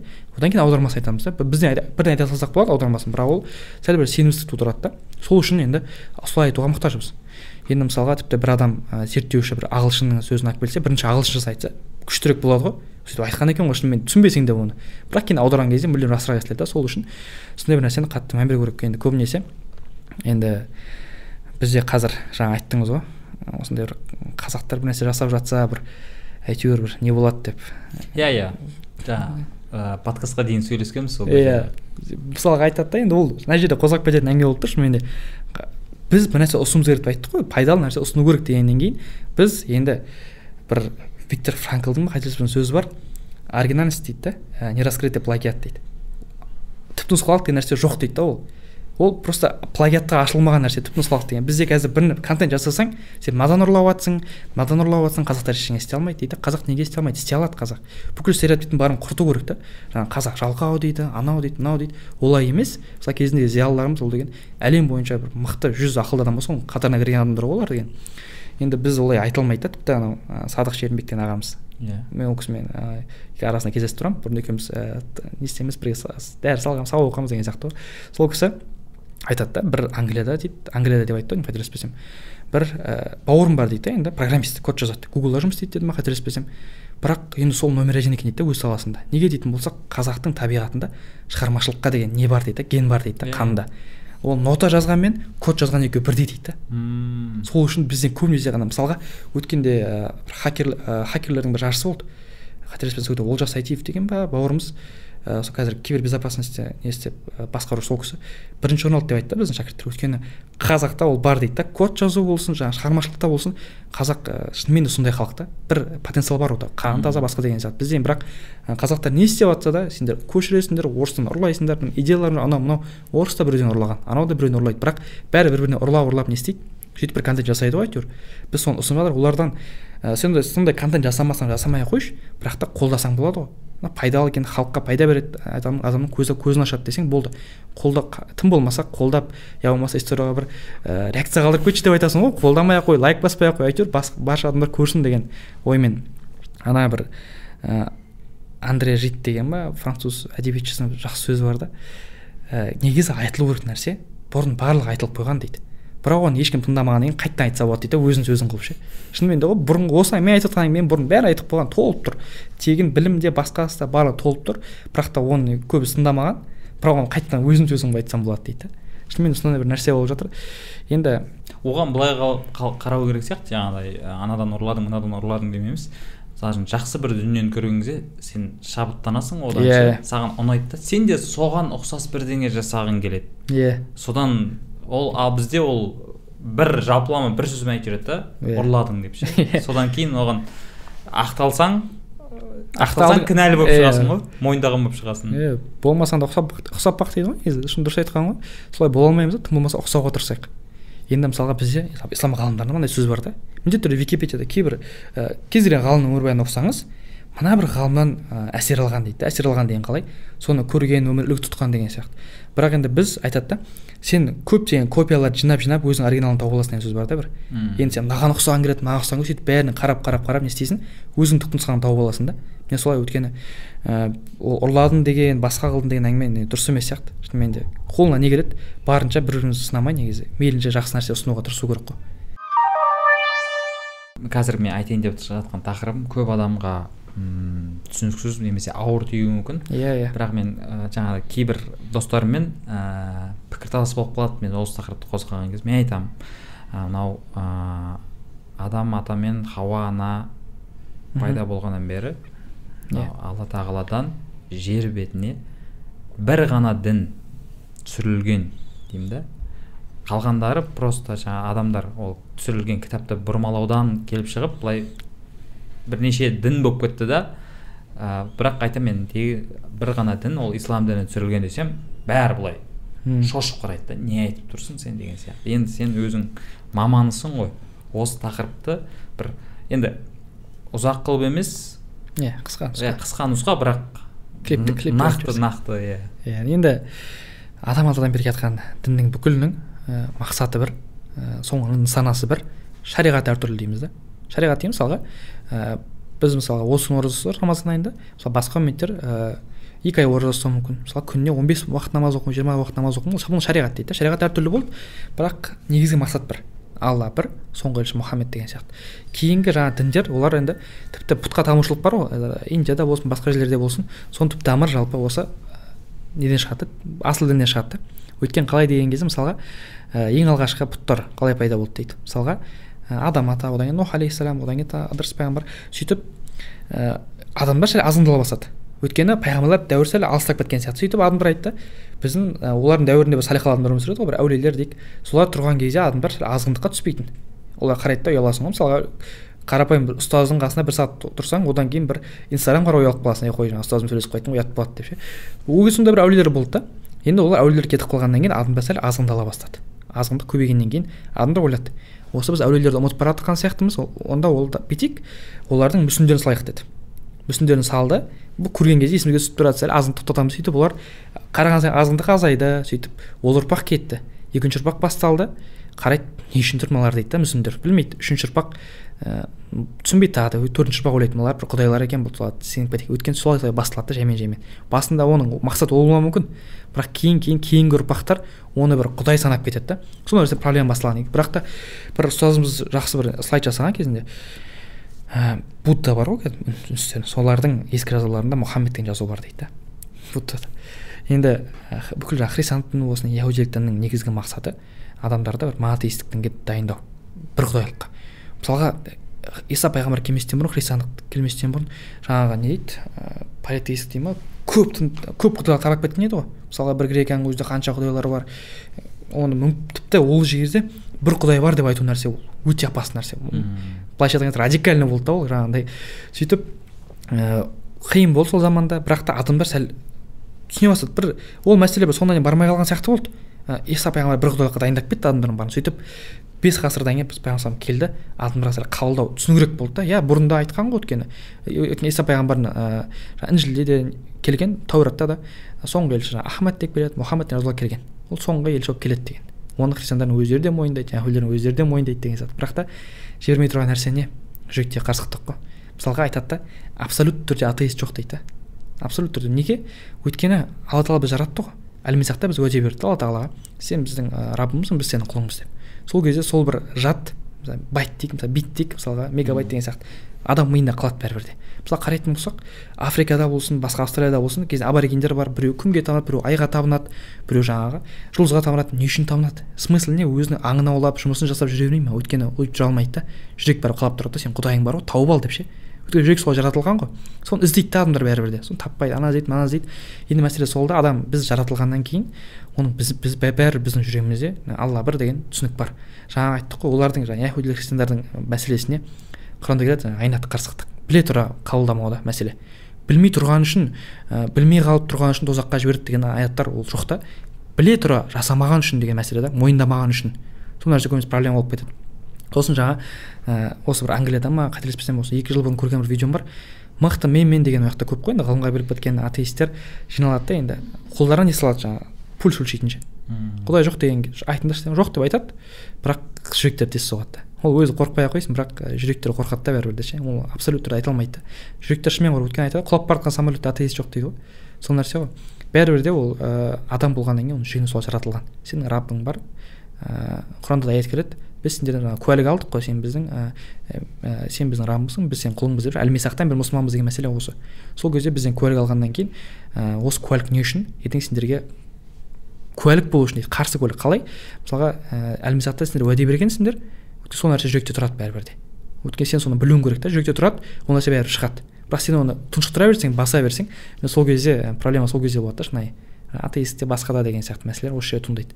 Айтатын нәрсе негізі осы ә, асыл діннің барлығы мақсатының санасы бір шариғаты әртүрлі. Соңғы ә, асыл дін қияметке дейін өзі ә, ислам діні болып қалады. Иә жаңа басында айтқанымдай бұл енді көп адамға қабылдауға қиын иә қиын мәселе иә. бірақ жаңа айтып кеткеніміздей ә, бұл ақиқат.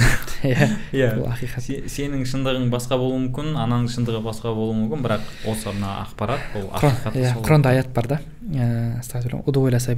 Дейді. Алланың раббыңның жолына адамдар шақыр дейді. Мысалға енді ол адам қай жақтан келіп сол жолға түсіп кетсе болды. Әрі қарай ол өзі амалын табады да. Біздің мақсат жолға тұрып түсіріп аламыз да. Енді бүйтіп жүрді жолдан одан сен дұрыстап жүресің ғой. Жолға түсіріп алсаң болды деп тұр ол жолға түсіп алғаннан кейін ол ары қарай өзі өз амалын тауып кетеді өз дұрыс жақтарын. Өйткені ешқашанда ә, адам біреудің ықпалымен болмаса мына бір адамның ықпалымен дінге кірмейді. Алла тағала шынайы жүрегіне хидаят берді ма оны тоқтата алмайсың ештеңе болды. Жақсылық қалады деген мысалы осы болады да. Енді түсінбей жатқан болу керек неге ә, ауыр тема қозғалып кетті деген сияқты. Ә, шамам келгенше бұдан кейінгі енді өзім түсіндіруге тырысамын енді өзім аккаунтым басқа жерде енді не айтқанымды түсіндіруге тырысамын барынша. Иә ә, абылайдың тик ток аккаунты талип kz иә. нүкте kz талип деген студент деген сөз ғой иә. И инстаграм дәл солай. Инстаграм дәл сондай. Иә. Сенің бір постың бар ғой ә, әлеуметтік желілердегі муфти мен муфтиялар деген. Иә. Маған ұнайтын тақырыптардың бірі да иә иә. Мен жалпы жаңағыдай әр саланың өзінің маманы айтқаны дұрыс көремін. Және оны көп таныс достарыма да айтып жүремін. Иә сен ұстана бер бірақ уағызды өзінің адам айтсын yeah. өзінің маманы бар ғой сол айту керек. Өйткені сенің қандай да бір әрекетің ертеңгі болмаса басқа бір жерде айтқан сөзің ана айтып жүрген уағызыңның соған уағызың арқылы басқа біреуге кері әсер береді деп. Иә. Түсіндім түсіндім. Иә сол біздегі иә андай ғой мысалға ііі мына нәрсе бар ғой біреу мысалы намазға келіп уағыз айтып жатса сен бұрын ішіп жүр едің ғой дейді да иә неге уағыз айтып жатрсың дейді осы осы жерде айтып кетейінші қазір маған бұл әңгіме де ұнамайды да неге сонда біз адамға ыыы қателесуіне мүмкіндік бермейміз бір. Иә ол дұрысталса демек ол дұрысталмау керек. Өмір бақи ол ішіп жүру керек деген сөз да. Мүмкіндік мүлде жоқ. Я дұрысталуға я қателесуге иә сол нәрсе ғой. Енді ол жаңағы айттық қой. Мысалға сен бұрын ішіп жүр едің ғой төбелесіп жүр едің неге намаз оқып қалдың дейді. Уағызды не үшін айтып жатрсың дейді енді ол мақал сөйтіп кетер. Бірақ ол уағыз айтып жүргеннен кейін қайтадан бұзылып кетсе кеше уағыз айтып жүр едің ғой не болып қалды саған деп. Бәрібір де екі жақтан хейт болады да сол үшін. Адам енді кімге жауаптысың мысалға сен бірінші өзіңнің жаңағы әйеліңе жауаптысың ініңе қарындасыңа жауаптысың соларға айтсаң болады мысалға. Енді уағыз демей ақ қояйын бүйтіп отырып жылататын уағыз деген сияқты әңгіме айтпай ақ қой. Насихат. Моральдық құндылықтар айтшы жай ғана бүйтпе мынаны істеме деп ше. Мусор мусорды жәшікке таста деген сияқты. Мысалға анау арбаттың бойына өтемін ғой жүрегім ауырады ше.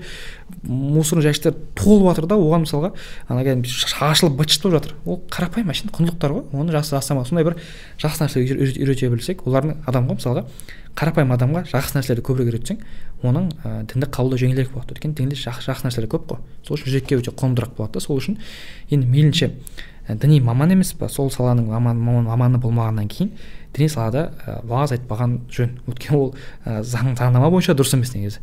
Кәдімгі миссионерлік диплом болмағаннан кейін басқа болмағаннан кейін оған бір уағыз айтуға тыйым салынған негізі. Бірақ енді қазір бір массовый поражение деген барлығы айта беретін болды ғой. Ана ершін ұстазым жақсы айтады да. Ә, қазіргі әлеуметтік желі фейсбук әр адам жеке мінбер болып кетті дейді да. Мінберге мініп алады да. Білген айта береді болды. Не біледі соны айта береді. Бірақ ол дұрыс емес шынымен де. Сен ертең бір нәрсені қате беріп кезінде үлкен ұлы ғалымдарымыздың өзі бір мәселеде фәтуа беруге қорыққан. Маған бұл сұрақты қойма мен бұл сұрақтан құтқар жауап бергім келмейді мен білмеймін деген сияқты сұрақтармен өте қатты қашқан да сұрақтан өйткені ол фәтуа берушінің бір аяғы тозақ та бір аяғы жәннатта деген хадис бар да. Сен алланың дініне теріс қарай фәтуа беріп қойып жүріп өзің адам өзің адастырасың бір басқаны адастырып жібересің да екі.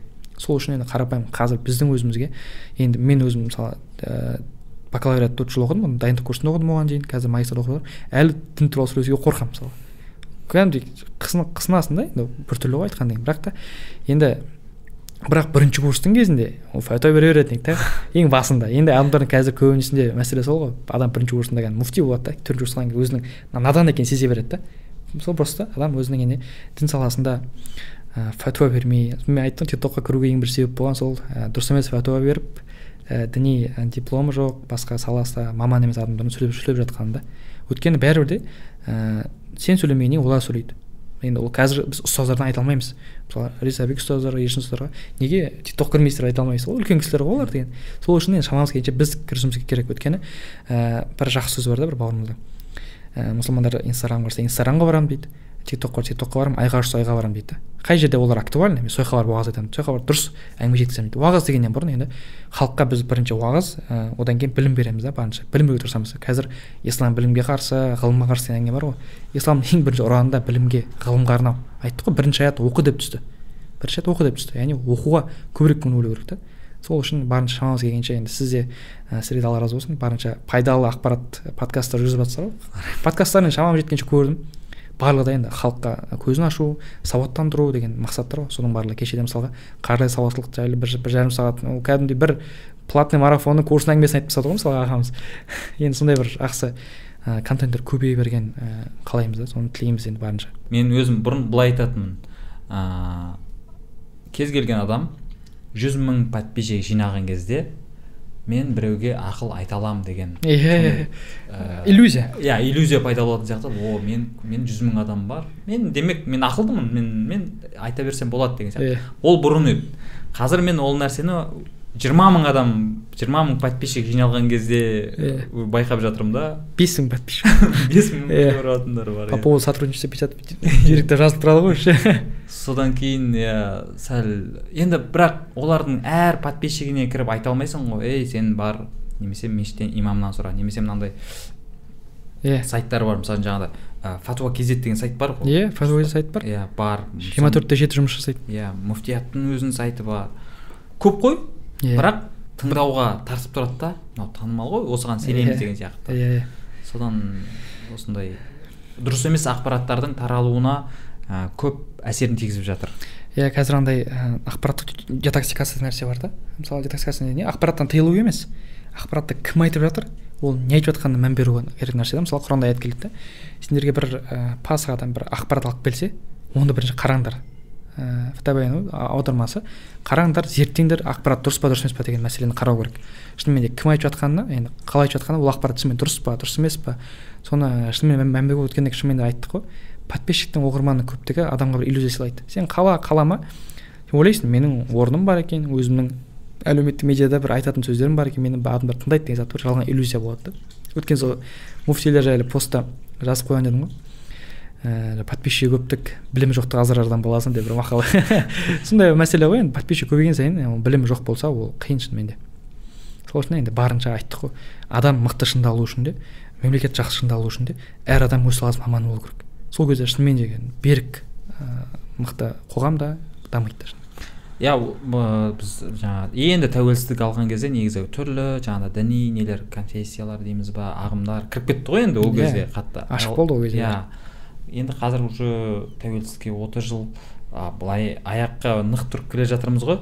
Ыыы ши- нұр мүбарак университетінің өзінің иә қаншама ыыы пайдасы тиіп жатыр.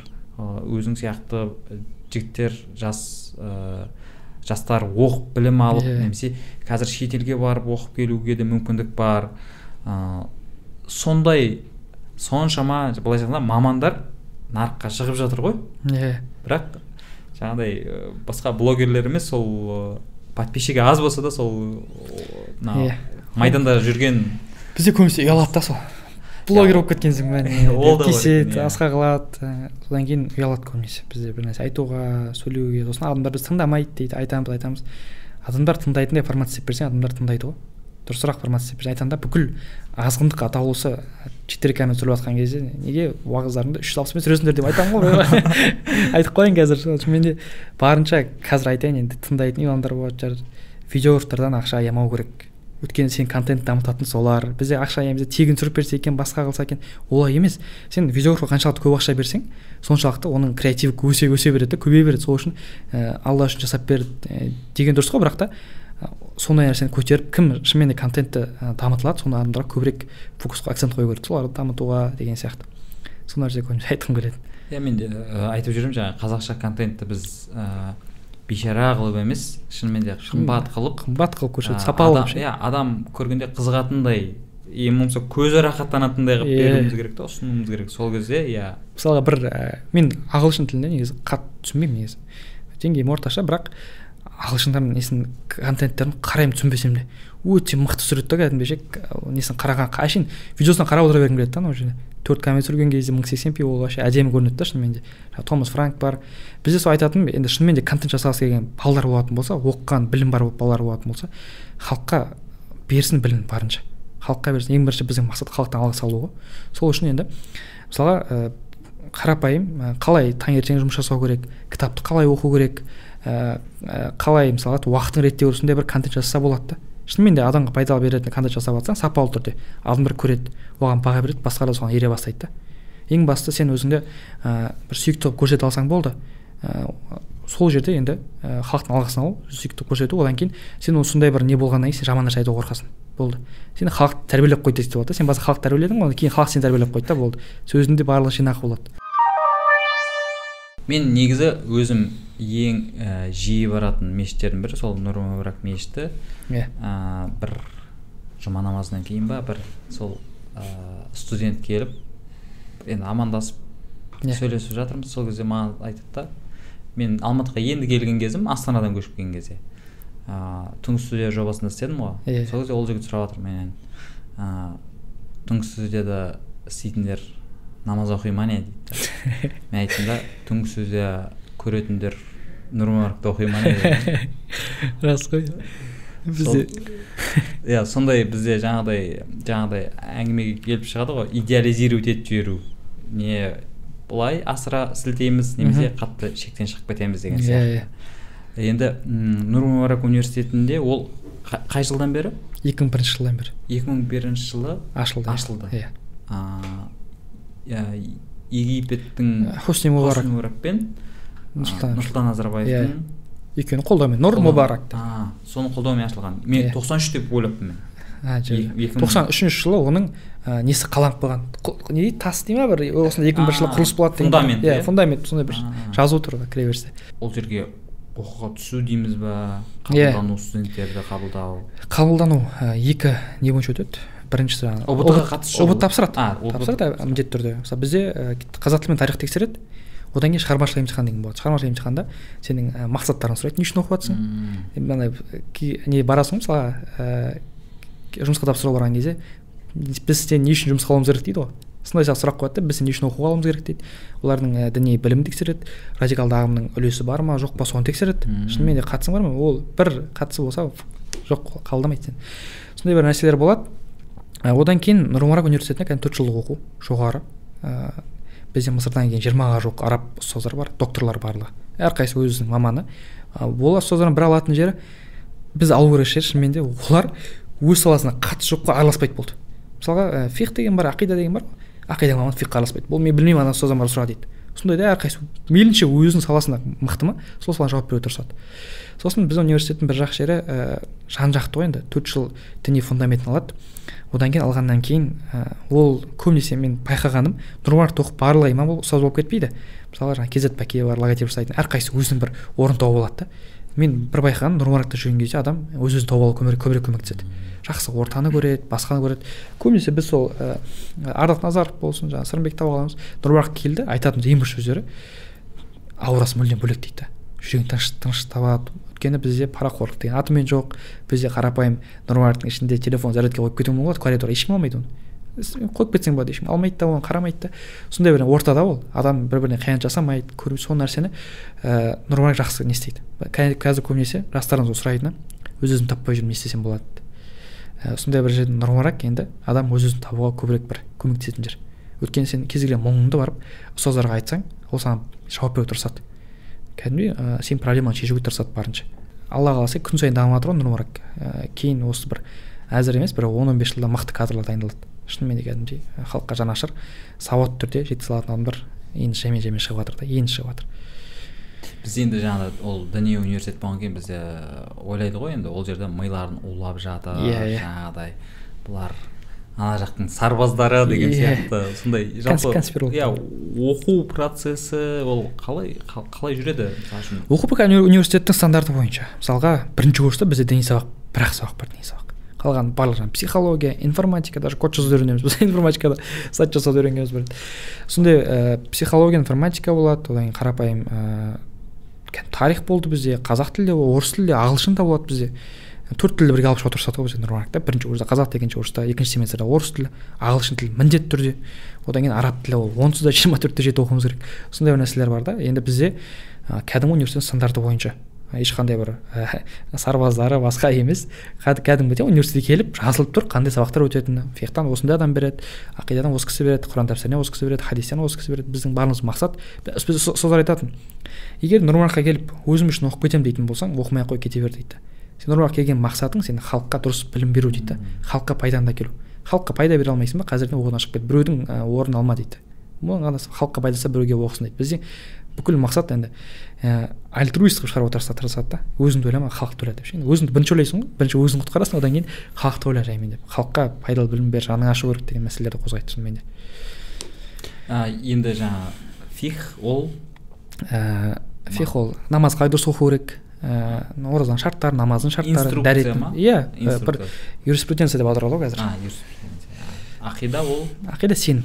Сенім. Пайғамбарлар жайлы сенім алланың есім сипаттары осыны ақырет жайлы сенім ә, дәжжәл бар қиямет қашан сондай мәселелерді қозғайды. Маған арасындағы жаңағы жарнамаға ренжиді деп айтамын? Жарнаманы мен қоймаймын ютубқа өзі жарнама қояды? Ғой ютуб қазір ешкімнен сұрамайды. Жарнаманы қай жерге қояды? Қалай қояды? Қандай жарнама қояды. Өзі біледі да. Егер менде жарнама болса мен мына жерде болады жарнама. Мен осы жерде өз аузыммен айтамын. Маған ренжімеңдер. Ә, сосын жаңағыдай жалпы адамдардың м айтатыны ә, дін неге көп нәрсені шектей береді? дейді. Негізі шектемейді? ә, сондай yeah. түсінік бар ғой. Енді сол нәрсені миф миф дейміз ба не ол? Сол сол мына түсінікті қалай ә, жоққа шығарамыз? Немесе стереотип десе иә стереотип о стереотип. Немесе соған қандай ә, жауап айтамыз? Негізі андай нәрсе да ә, бізде харам нәрсе бар халал нәрсе бар. Дұрыс па арам ол дұрыс кәдімгідей нақты норма иә. белгіленген. Белгіленген. Иә мынау харам мынау халал. Енді хадистерде арасында күмән нәрселер бар. Ол білмейсің то ли харам то ли халал ана кфсидің несі сияқты ғой иә иә тауық сияқты ғой білмейсің да халал иә харам сондай бір несі енді бұл жерде мынандай мәселе бар да? Бізде көбінесе харамды көп көріп қалғанбыз да. Мынау болмайды арақ болмайды анау болмайды деген сияқты. Бірақ та ойланып қараса тек арақты бізге арақ вино харам етті да. Бірақ басқасын іше бер сусындарды іш компот ананы іш мыңдаған сусын бар ғой басқа. Именно ішіндегі арақ харам соны көріп қаламыз сосын шектеу көп екен деп оның орнын басатын бірнеше аналог бар да. Я болмаса айтады мысалға ә, зина харам қызға баруға болмайды сондай көп нәрсе айтады да бірақ саған әйелді халал етіп қойды енді шамаң келсе төрт әйелге дейін ал енді. Енді шамаң келсе енді бір әйелмен шектелуге де болады енді оған тағы хейт бұлар мыналар да көп әйел айта береді шектер осы деп. Бүкіл хейттер өзіміз айтып жатырмық қой енді сол нәрсе да біз ә, алла адал еткен нәрселер өте көп. Бірақ біз көбінесе харамды байқауға тырысамыз да. Өте көп. Шынымен де көптеген бір харам нәрселерге ә, қарапайым аналогтар мыңдаған ғой. Шынымен де орнын басатын нәрселер ше. Енді шектеп тастайды анау болады мынау болады деген емес. Шынымен де ә, дін бір шектесе оған міндетті түрде ә, баламасын береді. Міне мынаны істеме бірақ мынаны істе деген сияқты. Бірақ бізде проблема не? Дін мынаны шектеген дейміз оған орай так не береміз. Ойланып қаласың мысалы. Бірақ та дін бізге шошқаны харам етті ма сиыр халал жылқы халал түйе бәрін жей бер ешкі қойды. Бірақ шошқаны харам етті да біз именно ішіндегі шошқаны харам екенін көріп қаламыз да. Сол мәселе ғой проблема. Басқа еткен нәрселерді көре білу керек. Тағы айналып келген кезде о баста жаңағы критикалық ойлау дейміз да басқа жақ қабылдау дейміз ба сол нәрсе. Дін ә, қатты шектемейді. Ә, дін, дінді жақсылап оқып уағыздарды тыңдап дәрістерге қатыса білсеңіздер е дін жеңіл екен ғой деп қаламыз да. Мысалы фих бар ғой кәдімгідей жаңағы юриспруденция шариғат өзіміз жыл сайын оқып тұрамыз екі үш кітап тағы оқимыз тағы оқимыз. Мә кәдімгідей жеңілдетіп қойған екен ғой біз үшін дейміз да мысалы қарапайым мәсінуді айтатын болсақ енді жолға шығатын болсаң аяғыңды жумай үш күн жүрсең болады да мәселе бұл бізге берген жеңілдіктер көп. Жолда сапарда жүрсің ба ораза ұстамай ақ қой. Бізге ана хадис келеді ғой дін бұл жеңіл дейді. Хадис келеді бұл дін дегеніміз бір жойқын күш сияқты дейді да. Арабшаны айтып жатырмын мен адамдар арабша білетіндер болса түсініп аласыз ә, дін бұл жойқын күшке келеді дейді да қатты нәрсе. Бұған бір жұмсақтықпен кіріңдер дейді да. Сразу мынау харам қылып тастады мынау қылып тастады емес. Шынымен де бір даналықпен кіру керек та. Даналықпен кірген дегені қалай? Ә, даналықпен мән беру керек нәрселерге. Е мынау болады екен ғой негізі жеңіл екен ғой деп тек қана харамды көре бермейміз не нәрсе халал соны білу керек. Көбінесе сол мынау харам харам екенін біліп алсақ болды бірақ харам аз да халал көп. Біз харам не үшін бірінші айтамыз? Соны істемесең болды қалған бәрін істей бер деген әңгіме ғой болды. Соны істемесең болды қалған бәрін істей бер. Енді қалған не істеймін деген кезде сол кезде мынаны істе мынаны істе біз бере алмай қалатын шығармыз мәселе сол. Біз просто қателігіміз деймін ба балама ұсына алмай қалып жатамыз сол ғой мәселе. Харам дейміз да оның орнына не ішсем болады дейді мысалы. Сол кезде ғой мәселе. Арақ ішпе енді оның орнына басқа нәрсе іш мысалы. Халал нәрселер көп қой ішетін дүкенге кірсең мыңдаған сусын бар ғой. Не ішсең де өзің біл күшті күшті. Ә, жалпы бүгін ә, әңгімеміз өте ә, жақсы болып жатыр енді ә, қорытынды әңгіме ә, осындай ә, түрлі айналада саблазың көп заманда ә, нәпсімен қалай күрескен дұрыс? Ә, нәпсімен күрестің бір ғана жолы негізі. Триггерлерге қарсы жұмыс істеу ғой триггерлерден айырылу. Триггер деген қоздырғыштар ғой. Инстаграм болсын тик ток болсын адамды бір жаман әрекетке итермелейтін нәрсе ол жаңағы триггер қоздырғыштар. Сен бір мысалы жарты қызды көріп қалдың ба? Одан кейін сен өте беруің мүмкін еді ары ақтарып бірақ та кейін ана қыз жалаңаш көргің келеді мысалға. Ол уже ми солай жұмыс істейді да бір нәрсеге фокус қойды ма одан кейін ода жаңағы эмоция бөлінеді. Одан кейін бір действиеға барады да ол нәрсе. Яғни ә, триггер бір жаман бір нәрсе пайда болды ма о баста? Мысалы бір көріп қалдың қыз көріп қалдың одан кейін сенің миың бір зина жасауға итермелеп тұрады да сені. Яғни көрдің енді соны амал жасау керек деген сияқты. Бұл бәрі, бәрі триггер қоздырғыштар деп айтылады да. Енді тіпті бір біздің ғалымдарымыз осы нәпсі қалауға күрес өміріне арналған ғалымдар бар да кітаптарын соның барлығына арналған айтады да жалпы ең бірінші триггер көз қарау емес дейді бір нәрсеге. Ой дейді. Ой бірінші ой. Сенің бірінші ойыңды ақ итеріп таста дейді. Жаман ой келді ма бүйтсе қайтеді деген. Бірдеңе итеріп тастамасаң одан кейін шаман келмей қалады оған. Бәрі жеңіл нәрседен басталады ғой бірінші ойда. Кез нәрсе солай ғой. Ауру болса да жеңіл кезінде емдеп тастасаң жақсы да. Ол жаңағы триггерда бір нәпсі қалауларда бұл басында бір жаман ой сияқты ғой. Оны басына итеріп тастау керек одан кейін жеңілірек болады. Бірақ ол оған түсіп қойғаннан кейін онымен күресу әлдеқайда қиын болады да. Бірақ біз нәпсімен толықтай қатты күресіп өмір бақи өтеміз деген нәрсе жоқ. Біздің мықтылығымыз сода да. Нәпсіге қалауына беріліп қоясың бүкіл ә, не, неге беріліп бірақ та кейін тәубе етесің қайтадан құлшылық қыласың ә, шайтан азғыратын нәпсі қайтадан беріліп қой қайтадан бірақ ә, сөйтіп сөйтіп ә, былайша айтқан кезде кемелденесің ғой жаймен жаймен өйткені құранда аят келеді да алла тағала көбірек тәубе етушілерді жақсы көреді дейді. Тәуа тәуабин деген бар араб тілінде ә, сосын тәуап деген бар тәиб деген бар да. тәуап деген күшейтіп айтылған көп тәубе етуші күнә жасап қояды қайтадан тәубе етеді. күнә қайтадан тәубе етеді. да ал тәйбин деген мысалы бір тәубе етеді болды. бірақ та алла тағала ондайларды емес. өз нәпсі беріліп қояды. бірақ қайтадан тәубе ететіндер жақ көбірек жақсы көреді дейді. Енді бұл жерде күнә жасап тәубе ете бер нәрсе емес. Ол нәрсе бұл ол дінге мазақ ретінде болады да. Мен қайтадан тәубе ете саламын ғой деген. Ол нәрсе дұрыс емес. Шынымен де бүкіл амалдарын жасайсың бүкіл факторлардың көзін жұмып тастайсың. Одан кейін амал жоқ. Енді бүкіл несін жасап қойып күнәға беріліп қойып жүрсең ол жерде өз өзіңді баз кешке кетпеу керек та. Қайтадан тәубе ету керек. Күнә қайтадан тәубе ету. Мысалға біздің мықтылығымыз осы жерде да. Мысалға қарапайым адам өз өзіне зерттеу жасайды ғой. Мысалға бір ай қанттан бас тартады. Я болмаса бір ай диета ұстайды немесе бір ай бойы жаттығу жасайды. Адам сол кезде мысалы оныншы күні например қантты жеп қойды дейік тастап кетуі мүмкін да болды құртылды деп. Бірақ адамның мықтылығы сол жерде дейді. Тастап қойды ма қайтадан жалғастыру болды. Толық тастап кетпейсің. Мысалы енді кішкентай кезімізде ақша жинайсың ғой кішкентай тиындарды бір ақ жұмсап қойсаң болды бәрі кетеді ғой жұмсап жұмсап жүресің ғой уже. Одан кейін керек емес деп. Сол нәрседе адамның мықтылығы сол жерде дейді да күнә жасап қойдым қайтадан тәубе ету керек. Үміт кетпеу керек болды мен оңбаған адаммын алла мені қабылдамайды тозаққа кеттім ғой деген сияқты ойлардан аулақ болу керек. Бұл ойды салатын шайтан да ең бірінші. Сол үшін нәпсі қалауына беріледі. Берілмес үшін бүкіл амалдарын жасайды. Одан кейін нәпсіге теріс қарай бүкіл амал мысалға нәпсімен күрестің ең жақсы бір тәсілі дейді. Ә, бұл мұхалафату нәпс дейді. Нәпсіге қарсы соғу теріс әрекет жасау. Нәпсіні былай тәрбиелеу керек болады. Мысалға сен шашлык жегің келіп тұр. Мына жақта жаңа овсяный каша барды.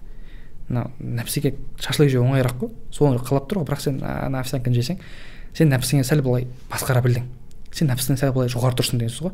Яғни айтады да адам бар періште сосын ә, хайуанаттар үшеуінің айырмашылығы бар дейді ғой. Анда періштеде ақыл бар бірақ нәпсі қалауы жоқ дейді. Адамда ақыл да бар нәпсі қалауы да бар дейді. Ал хайуанатта тек нәпсі қалауы. Олар көбейеді ішеді жейді ақыл жоқ дейді да мысалы. Енді осы жерде адамда таңдау бар дейді. Адам нәпсі қалауларына ерік бермей оны басқара білсе ол періштеден жоғары болады дейді. Кәдімгісі ақида кітаптарында егер ол нәпсі қалауларына ерік беріп ә, азғындыққа бел, ә, белшесінен батса хайуаннан төмен дәрежеге жетеді дейді да.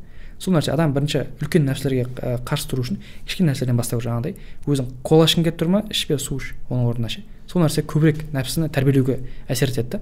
Андай бір наполеон оқиғасы бар ғой. Негізі наполеон деп айтады көбінесе. Түнде ұйықтап жатады да кішкентай кезінде. Сөйтіп су ішкісі келеді да. Сөйтіп ә, орнынан атып тұрады да. Ойланады осы мен ішкі қалауым мені басқара ма әлде мен ішкі қалауым басқара ма деп қайтадан жатып қалады су ішпей. Сөйтіп тағы ойланады. Осы мен ә, алыстағы құдыққа баруға ерініп нәпсімен күрес деген оқиғаны ойынан құрап алған жоқпын ба екен дейді да қайтадан тұрады құдықтың қасына барады да су ішпей қайтадан ұйықтап қалады да. Ана жерде қарап тұратын болсақ енді адам өз нәпсісін басқарса бұл әлем басқарылады дейді да қарапайым. Сол үшін жеңіл нәрселерден баста, бастай білсе үлкен нәрседе басқару оңайырақ болады шынымен де. Ә, бүгінгі жаңа әңгімеңде сен негізінен жаңағыдай шетелдік ғалымдардың иә. yeah. білім ә, солардың сөздерін мысал келтірдің ғой. Өткенде менде жаңағыдай ескендір бестай мырза келген кезде де yeah. Иә. ол кісі сондай шетелдік ә, ғалымдардың иә комментарий оқыдым. Иә. Ағылшын той болыпты ғой деген сияқты комментарий иә не үшін бізде абай қайда деген сияқты yeah. сондай сұрақтар болды да. Енді осы подкасттың астында сондай сұрақтар болуы мүмкін. Иә оларға қандай жауап береміз? Негізі біздің айтып жатқан мысалға құраннан дәлел келтіреміз мысалға аят хадистер айтамыз. Одан кейін жаңағы батыс ғалымдарын келтіреміз. Негізі андай нәрсе ғой. Барлығын айтып болды. Мына біздің зиялылар айтқан екен десең ол мықтырақ әсер етеді да сол үшін бірінші айтып алайық осындай андай ғалым андай ғалым айтқан айтқан екен. Бірақ оның барлығын біздің зиялы қауым өкілдері айтып кеткен. Бірақ олардың көбісі архивта я болмаса бізге жетпеген. Енді біз оны азырақ оқығанбыз. Енді барынша оқуға тырысып жатырмыз бірақ та біздің қазақ зиялыларының өзі сол заманның лидерлері ғой номер один болған. Әрқайсысына ә, бір сериал түсіруге болады да шынымен де. Мысалға бізде қазір ә, өткенде рухани жаңғыру деген бағдарлама болды ғой. Жүз жүз кітапты ма қазақшаға аударды қазақ тіліне. Жүз батыс әдебиеті ана. Стивен говин кітаптарын аударды жаңағы брайан трейси кітаптарды аударды. Бірақ аударып қойды қазақ тіліне. Енді соны ұсыну ғана қалып тұр еді да. Осыны оқыңдар сендерге білімге кәдімгі әсер етеді деген сияқты. Мысалға ә, умница уилл деген кино бар ғой. Умница уилл хантинг кәдімгідей. Сол киноны көріп алып сабақ оқып тарих оқып, кеткім келеді да.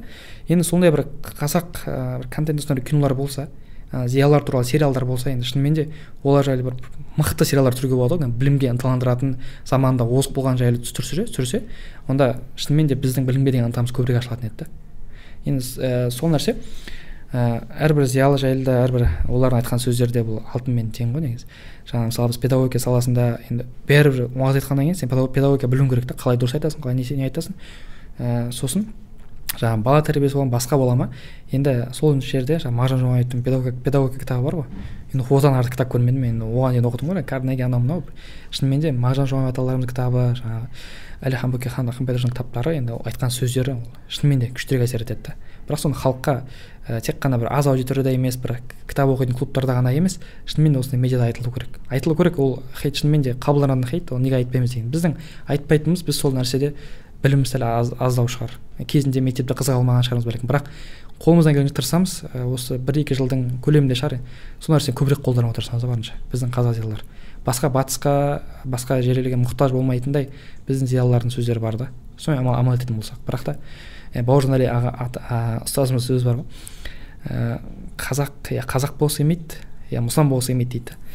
Мысалы шылымшек деп ә, шәкәрім айтты ма арақ іште абай айтты ма дейді мысалы. Шынымен де ғой енді қазақ зеланд сөзі шынымен де тыңдайтын болса халық өтімдірек болатын болса сол сөз көбірек айтылатын еді да. Бәлкім оның сөзі өтілмей жатқан шығар. Одан кейін адамдар көп айтпайтын шығар сол сөзді. Сол нәрсе мүмкін да мысалға қазір біреуге стивен кови былай айтты десең қабылдауы мүмкін да. Абай абай стивен кови өзін элита сезінеді да адамдар. Ал егер абай айтты десең абай не айтпады? Бәрін айтып жатыр ғой деген сияқты әңгіме айтады да шынымен де. Бәлкім сол нәрсе шығар. Шынымен де халық қабылдай алатын болса бір нәрсені ол нәрсені айтуға болады шынымен де. Бірақ біз енді мақсат халық қабылдасын қабылдамасын зиялылардың сөзін бәрібір де жақсы упаковать етіп жеткізу халыққа жақсы медиа ұйымдастырып беру деген әңгіме ғой иә абылай көп рахмет. Бүгінгі айтқан әңгімелеріңе өте м миға қонымды ә, жаңағыдай жететін жеріне жетті деп ойлаймын енді көріп отырған адамдар. Немесе тыңдап отқандар apple подкасттан google подкасттан яндекс музыкадан тыңдасаңдар да болады. Ә, бүгінгі ә, админ анон подкастына келгеніңе көп көп рахмет. Ә, бүгін админ анонның қонағы болған ә, нұр мүбарак университетінің магистранты діни блогер талип kz аккаунтының иесі абылай кенжалы.